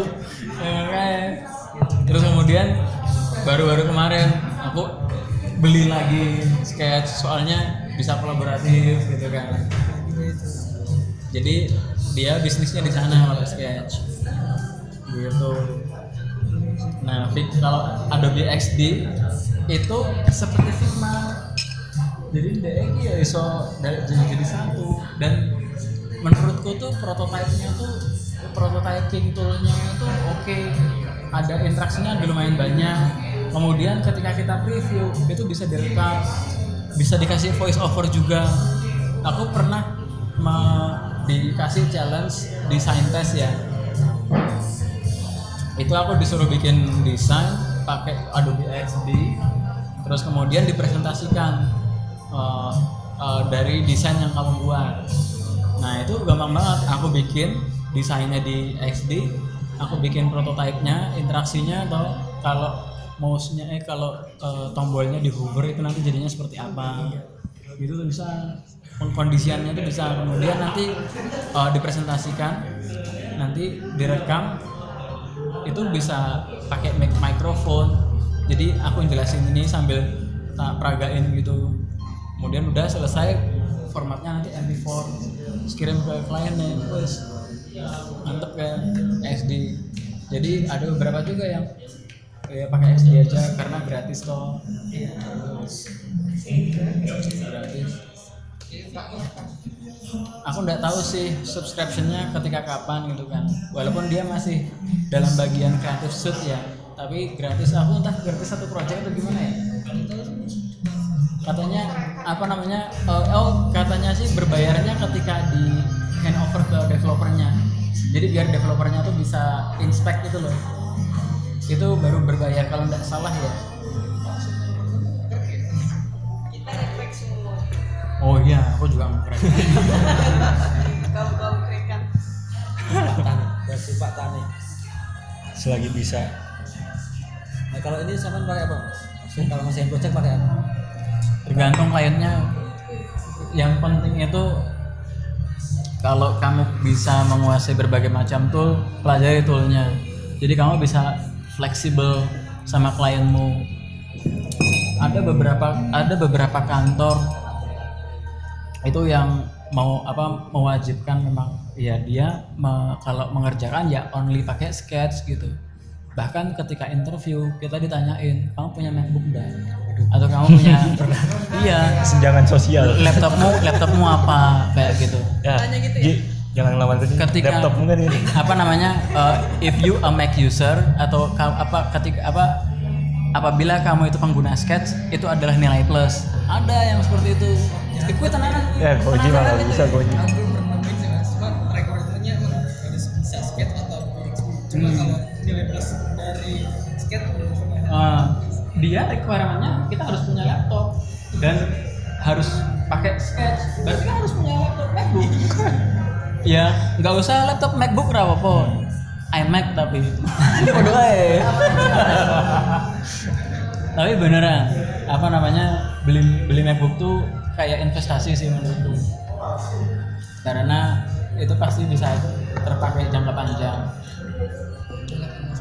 tapi ini kan 2011 kan aku sih gue loh bisa tak tak gawe tak tak kon apa nganggo adikku adikku ipar yang penting kalau misal apa tinggal di update aja sih iya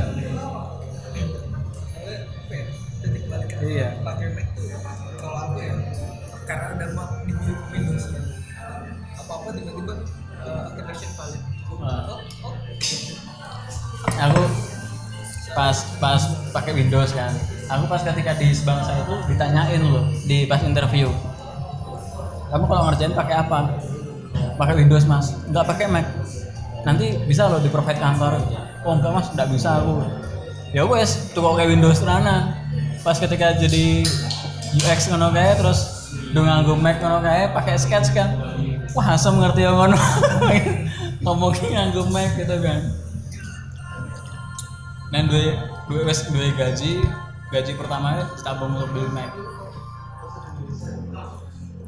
beli Mac yang 2011 aja udah worth it banget. Takut pindah dari Windows. Enak. Goji laptop aku pas ketika aku pas ketika pindah ke Mac pas pas aku pindah ke Mac tuh terus kemudian ki. kemudian aku ngeprint. Ngeprint di dokumennya tuh ada di laptop Windowsnya ada di parku. Ya wes silih kan. Bootingnya suwe tenan kayak kemudian. Arab ngeprint kayak suwe kayak tuh wah not responding. Oh iya fiturnya Windows. Not responding. Kalau Windowsnya keren kan kayak gitu malah jadi susah. Walaupun udah diakalin gimana pun dia tetap bakal iya. apa ya bahkan aku ada interview itu dia itu nanyain kayak e, biasanya Mas Ucil itu kalau bikin, bikin project itu pakai tools apa?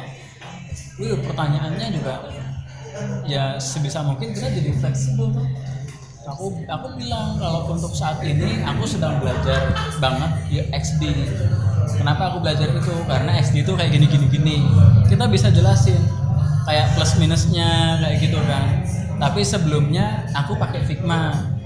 Kenapa pakai Figma? Soalnya beberapa studentku itu buka- eh, belum tentu Mac user gitu kan. Bahkan ada akun dua student. Saya laptop ini netbook.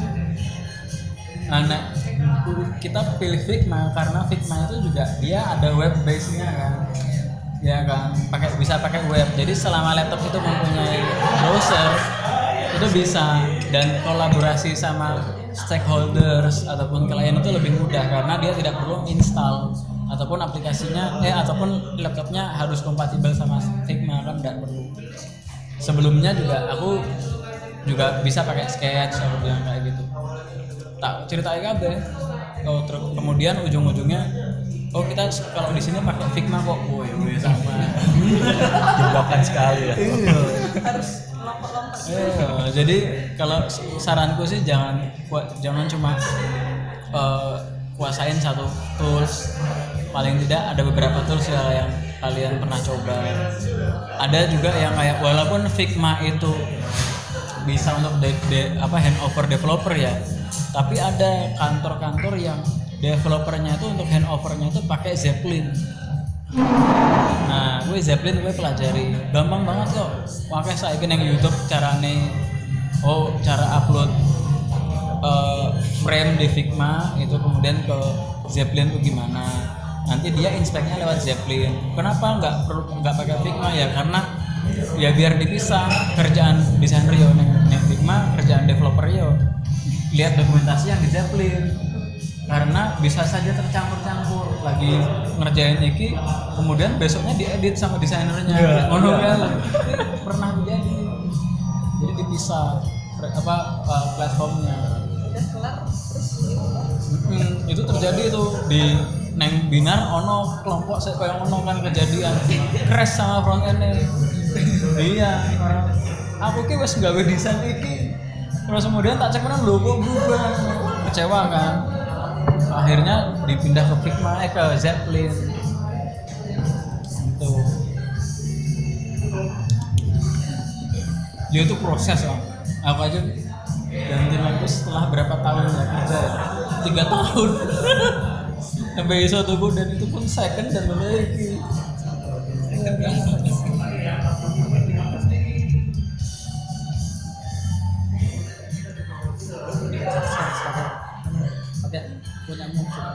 belajar sketch ya kamu juga megang Mac baru Yang doang. dikasih Mac oleh musik oh iya bisa. ada berapa ya? Bisa. Berapa sih tiga sama di studio. Empat. Empat. Empat Ada yang di, di studio. Empat. Sinema dapat berapa tuker ada yang kan pakai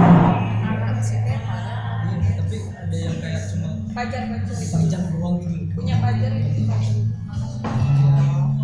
Berarti diajak kayak laptop. Bilang aja laptopnya udah burik gak iya bisa dipakai laptop murid emang Iya. burik. bisa. Layar- layarnya sama anunya bisa punya yang harus bersih. Harus ada sandaran gitu. Ngeplek ngeplek ngek ngek gini-gini gitu. Ngeplek. Ada sandaran di sini kalau enggak kalau dia jatuh kayak itu ya laptop HP yoga ya iya Iya. fitur lo aja fitur gue Bisa ditekuk. iya tapi udah Ntar kalau interview jangan dibawa laptopnya. Pas interview jangan dibawa laptopnya. Saya pakai ini. Ngek. mbak mbak tolong pegangin ini ya Kesian. Tolong pegangin mbaknya blank mati Interview karo karo rebahan ya lo gitu tengkurap ya lo seneng aja gitu gila yoga ini ya larang ya. Iya. Jangan-jangan itu laptop ya coba versi pertama beta Eh, Beta. Ngeplek.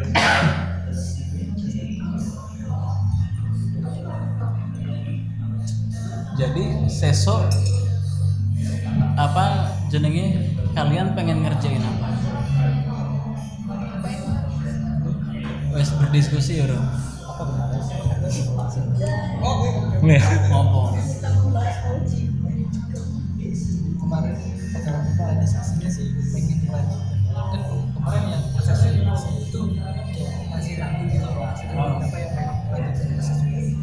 prosesnya yang mana misalnya? Atau materi? Tentang materinya materinya oh materinya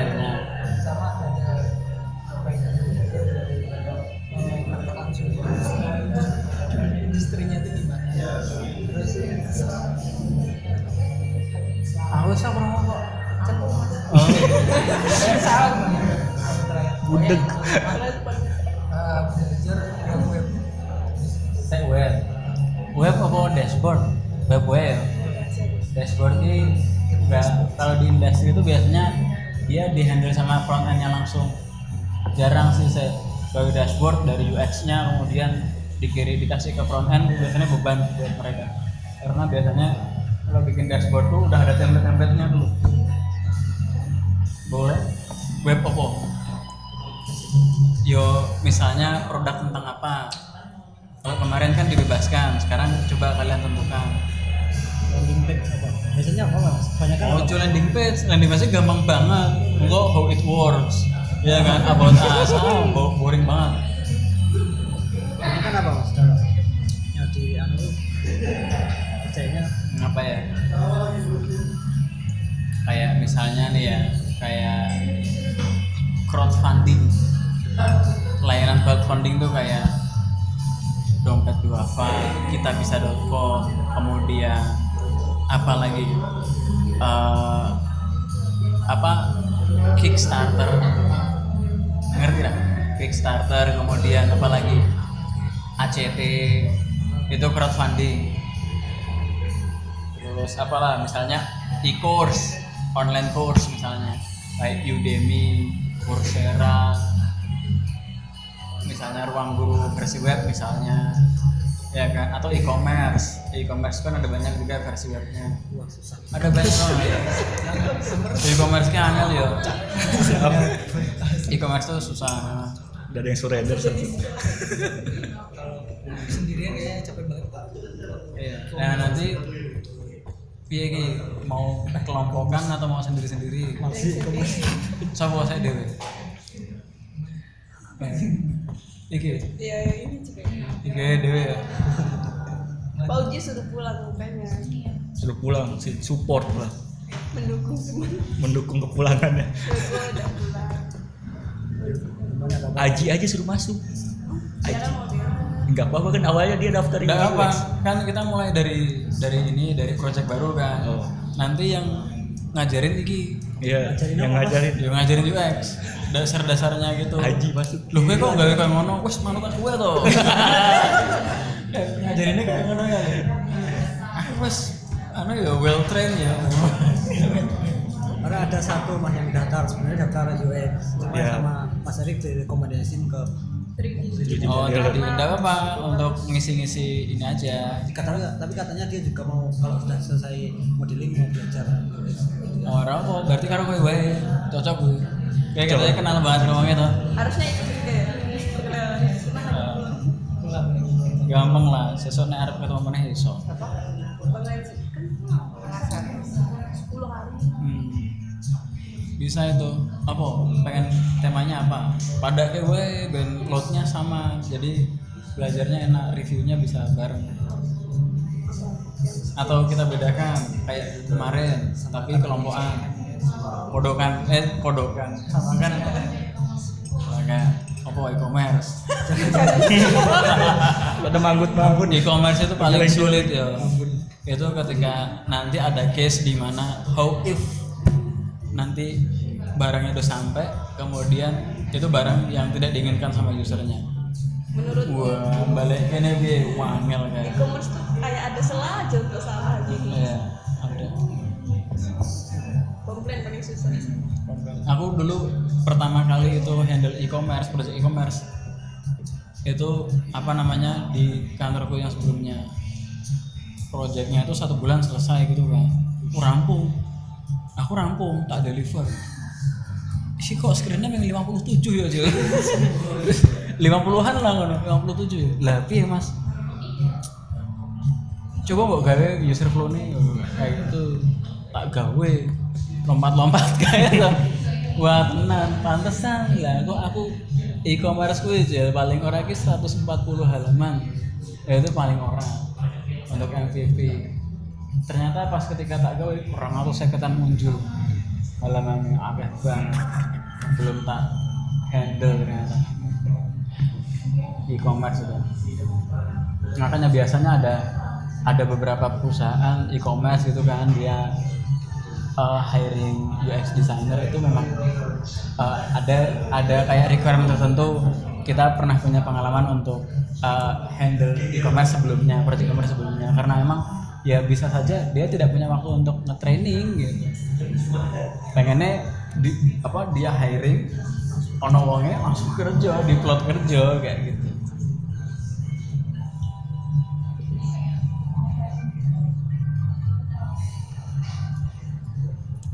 apa nih produknya nih? Masa Rano diskusi sebelumnya? Belum. Kategori nih apa crowdfunding aja. Crowdfunding itu bisa macam-macam loh. Kayak membiayai membiayai sebuah Gue ngerti crowdfunding toh? Dia kayak pembiayaan tapi secara massal gitu loh. Kayak bantu Mas Taufik untuk S2 karena misal ada beberapa orang ya kita bisa ya kita bisa kan gitu. Seperti kita bisa kayak misalnya Kickstarter nih gue ngerti. Kickstarter itu aku punya produk misalnya aku komikus. Aku pengen menerbitkan komik nih gitu tapi aku orang duwe modal. Nah gue ono uang uang sebuah orang tuh yang apa namanya aku tak kayak modal lagi tapi nanti kita kayak ngasih paket gitu loh. Kayak ini pesawatnya B.J. Habibie loh ya kan? R280 itu itu kan ada macam-macam tuh paketan donasinya. Kalau misalnya kamu bayar 100 ribu nanti fotomu ada di pesawat gitu misalnya. Kalau 500 nanti fotomu di pesawat kemudian kamu dikasih kaos. Kalau satu juta mungkin dapat jaket kayak gitu gitu loh. Nah Kickstarter tuh juga kayak gitu. Banyak kok kayak crowdfunding. Terus kemudian bisa aja kayak eh, anggaplah crowdfunding yang khusus untuk pembangunan masjid gitu atau pembangunan rumah ibadah gitu misalnya. Jadi kayak ada namanya Masjid Nusantara. Jadi intinya itu tuh isinya itu tuh kayak kumpulan masjid-masjid yang butuh donasi gitu. Itu crowdfunding macam-macam kok. Gimana? Itu kok? Berarti kan ada tiga kelompok nih. Berarti ada tiga produk ya.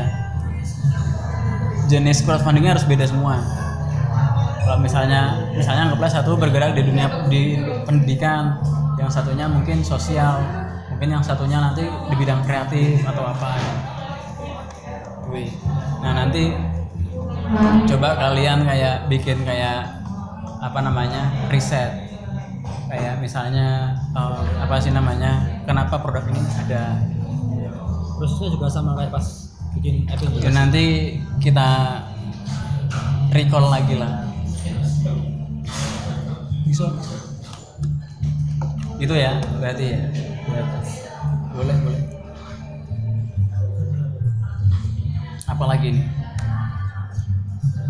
mulainya mas. Mulainya.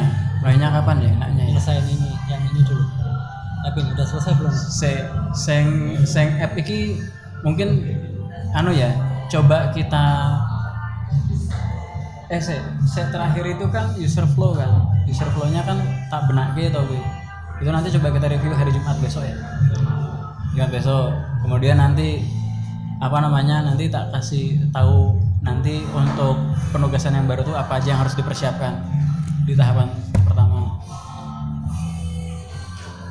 Gitu. Website. Ya wah itu harus bagi per frame atau itu itu tiktokan kalian pinter-pinter kalian. Cewek-cewek kan? Pas. Urjo sama cewek-cewek. Mbak Gozi sama Mbak Cindy. Terus si Fajri sama si Fahmi. Aku sama Mas Uji Iya, sama Aji, sama Aji, sama Aji lah. Enak. gaweanku nambah Pak tapi tinggal mas manut mas. Kalau karo topik aku juga ini wae. Dan topik ya Mana, mas? Ada macam-macam. Ajak, ajak Aji. aku pengen kalian tuh berkoordinasi. Kayak apa namanya aku juga di binar tak gituin. Anak-anaknya tak pairing gitu tak kelompok tak pasang-pasangin. Biar kalian kalau misalnya di industri itu kan kalian tuh ngerjain bisa jadi nggak cuma sendirian gitu. Oh, oh. Bahkan kayak Bukalapak itu dia punya 100 desainer. Untuk bikin satu e-commerce kok bayangin. Nah jadi nih misalnya kamu bekerjanya terbiasa individual ketika kamu diplotin untuk bekerja tim nanti kamu kaget. Jadi kita simulasikan aja di das. Gitu baginya tuh biasanya yang satu itu ada yang bekerja sebagai uh, UX-nya kemudian yang DE visual sense of visualnya lebih apa ya lebih oke gitu kan. Nanti dia ngurusin UI-nya gitu. Ada juga yang ya tiktokan gitu sih. Diskusi lah intinya. Pembagiannya bisa macam-macam gitu. Kalau enggak nggak apa-apa. Gelut gimana? Nah itu apa namanya? Biasanya dalam satu kelompok itu ada yang leader, ada yang leadershipnya bagus. Biasanya muncul tuh biasanya kayak oh ini yang apa namanya yang orangnya tuh yang bisa merawat tim lah gitu ya kayak gitu. Kayak oh ini orangnya dewasa atau ada jiwa leadership lah gitu. Jadi dia bisa menghandle konflik kayak gitu dia sebisa mungkin ramah konflik sih.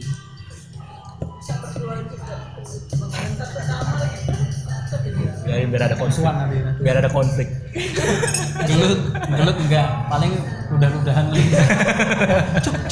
Tidurnya sampingan lagi. paling kalau ketemu muter. Ketemu muter. Ya, ya lah. Iya ya ada sini muter ah Tidurnya sampingan susah dimumuskan. Iya. kalau kamar cowok enak pintunya ada dua. Kalau cewek kan satu.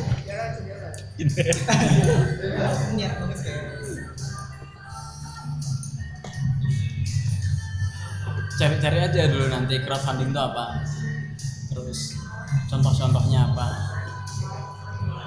Crowdfunding.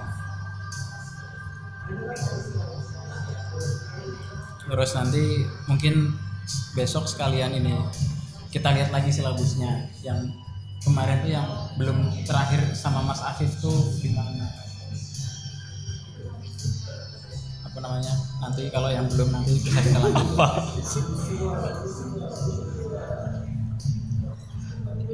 Mas Afif, gimana kabarnya? terakhir itu aku ketemu ketemu Mas Afif itu dia juga lagi fokus untuk ngembangin ininya atau agensi kelasnya itu lah aku diminta untuk ini handle agensi kelasnya tapi aku masih mikir-mikir lagi lah aku aja pengen fokus di industri gitu kan terus jadi apa namanya terakhir ketemu itu sih kapan ini mas Hah? terakhir kapan Judas. Terakhir kapan ya? Judas. dua minggu yang lalu masih baru Mas Aryo. Hah? Mas Aryo. Mas Aryo seru banget.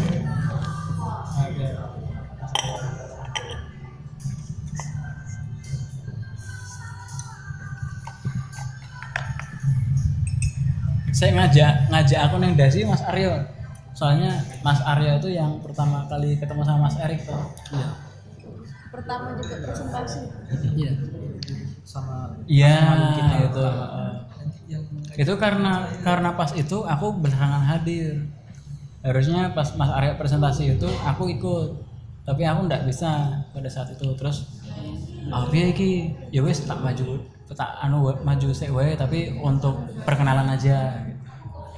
Terus Mas Aryo duluan. Terus corona. iya. Hancurkan semua. Hancurkan semua. dan semua. Oh itu Mas Aryo itu sebelum in- induction ya introduction kita ya iya Mas? sebelum ya iya benar benar Dia ngajar kalian bukan saya.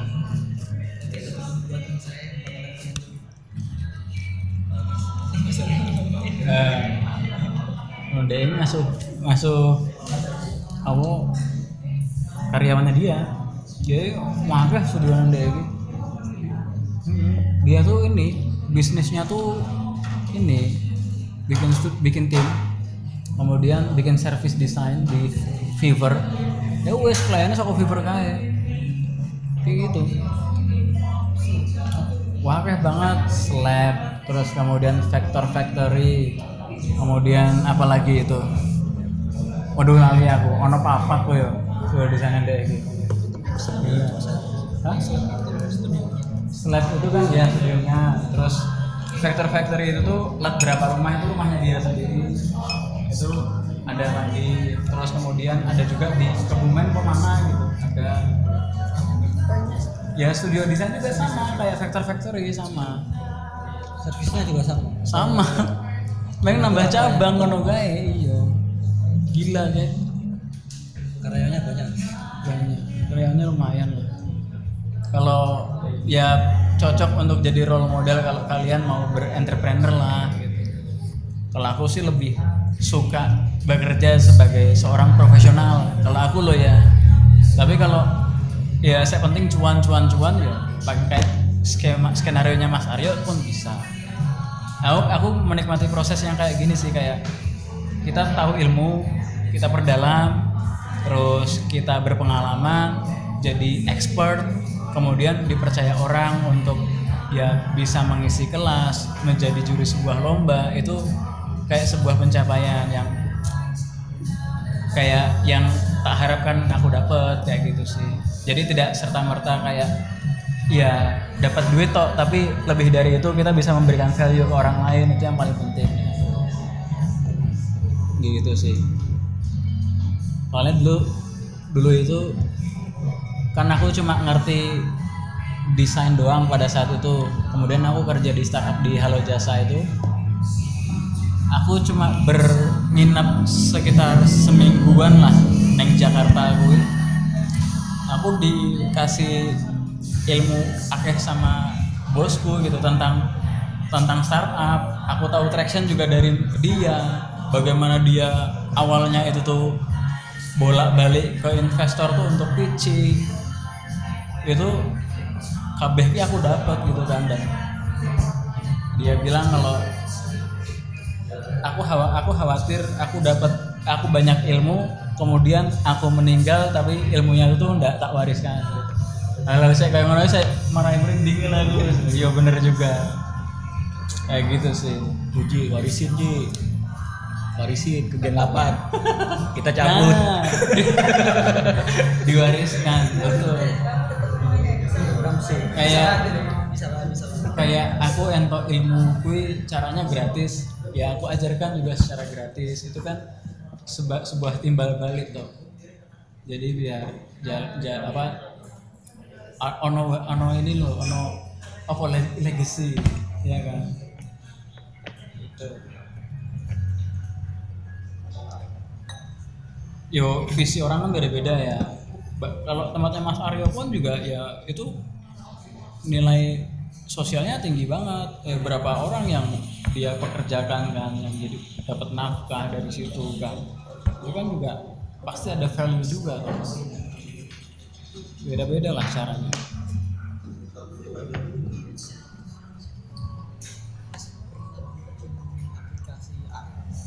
Augmented reality belum sih.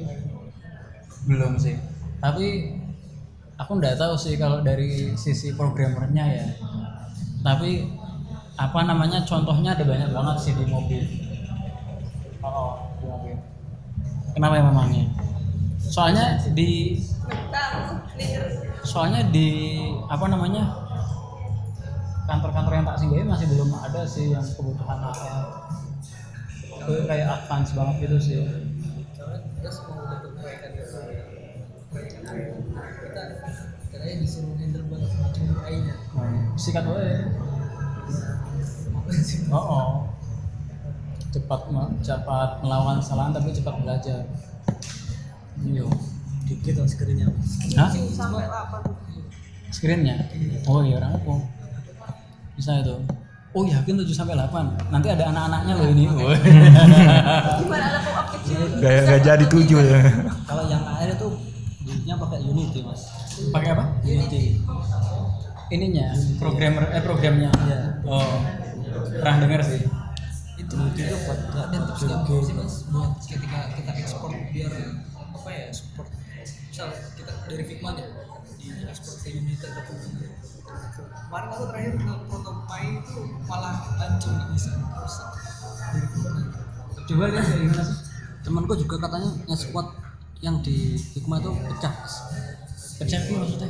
Sih kayak kan infak satu kali itu kayak di di anu di develop tuh kayak pecah gitu loh gimana itu gambar? Iya. PNG kenapa satu kali? Kalau misalnya satu kali itu kalian buka di handphone yang resolusinya besar jelas pecah. Kalau aku pernah dua kali masih ikut tapi pas protopai itu malah banget. Ya itu sama kayak di Unity mas. Jadi diekspor satu kali kan nggak HD tuh terus diekspor tiga kali atau dua kali malah Jadi terus bisa. pas dikecilin. Malah kita ngatur ulang lagi di Unity oh aku belum pernah sih yang pakai Unity Unity tadi tapi kalau misal masuk itu dari ekspor di sini ke misalnya dari ke Zebra atau ke mana masih masih aman dan kali masih aman.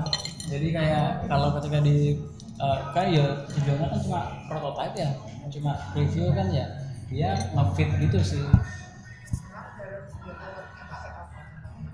Maksudnya developnya bikin aplikasinya ya? Itu tergantung ini ya tergantung jasa nah itu macam-macam mbak. Apa namanya? Kalau persisnya aku nggak tahu sih. Tapi kalau yang kayak Halo Jasa gitu pakai React Native. Karena sekali development itu bisa untuk Android sama Apple toh sama iOS. Pakai React Native ada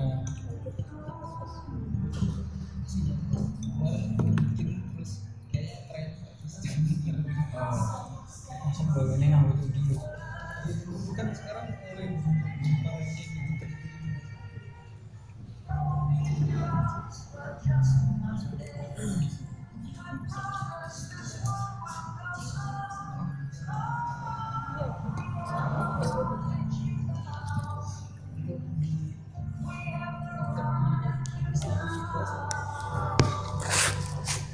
Yo besok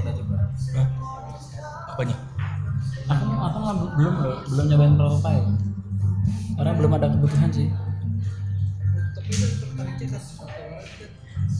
ada beberapa bisa kayak 3D kayak gitu Iya. 3D Iya. aku pengen kayak gitu. Males Iya. So- soalnya temanku juga ada yang bentuknya tuh dia ada objek 3D gitu kan. Bisa dimasukkan ke prototype kemudian navigasinya pas di ini bisa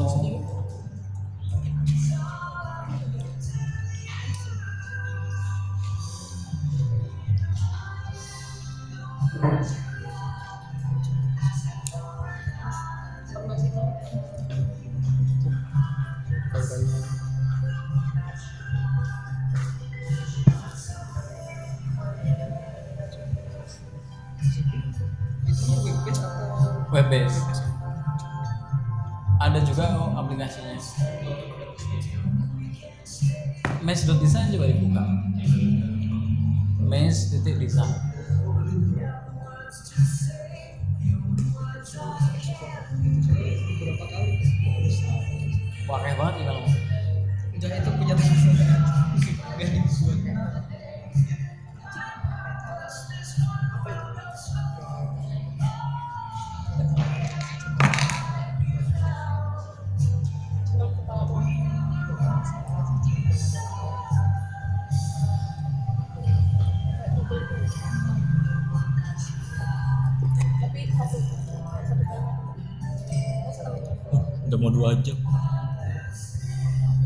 que es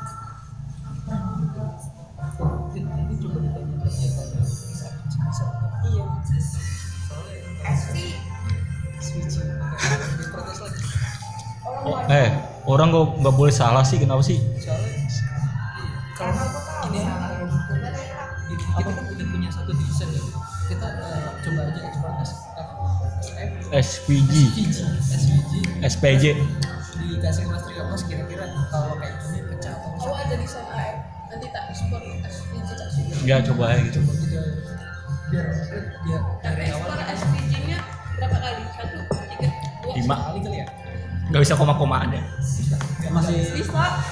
masih gak enakan sama Mas Rio gitu Masih kalau pas harus gini harus gini ya coba aja masih gak enakan Tapi justru malah aku masuk. ya, jadi coba aja soalnya nanti kalau kita pakai apa namanya Corel kata-kata aku takutnya udah konsisten tentang jaraknya kan susah banget Dia juga belum tentu situ jarak. ya, tapi kan kita sebagai apa. Gue masih masih gak enakan gitu kalau Mas. Mas ini jaraknya Mas ini jaraknya Mas Rio mas mas. Mas, mas, harus buttonnya harus segini. Ya udah apa topik itu loh. Gitu. belajar itu aja apa topik Unity. Iya gitu aku mau belajar. Aku juga. yuk. Ada sini aja. Oh ya sini sini lagi progres. Iya. Nggak apa-apa. dua ada dua. Kalian ayo. ajarin sih ngapain sih kamar mandi kudu berdua? Cewek tuh Ya sendirian lah. kenapa harus berdua sih kenapa nggak boleh? sendiri aja kamu katanya lucu. laki Ayo temenin ayo. Kamu mas bikin orang nggak jadi pipis. jadi cewek kamar mandi selalu berdua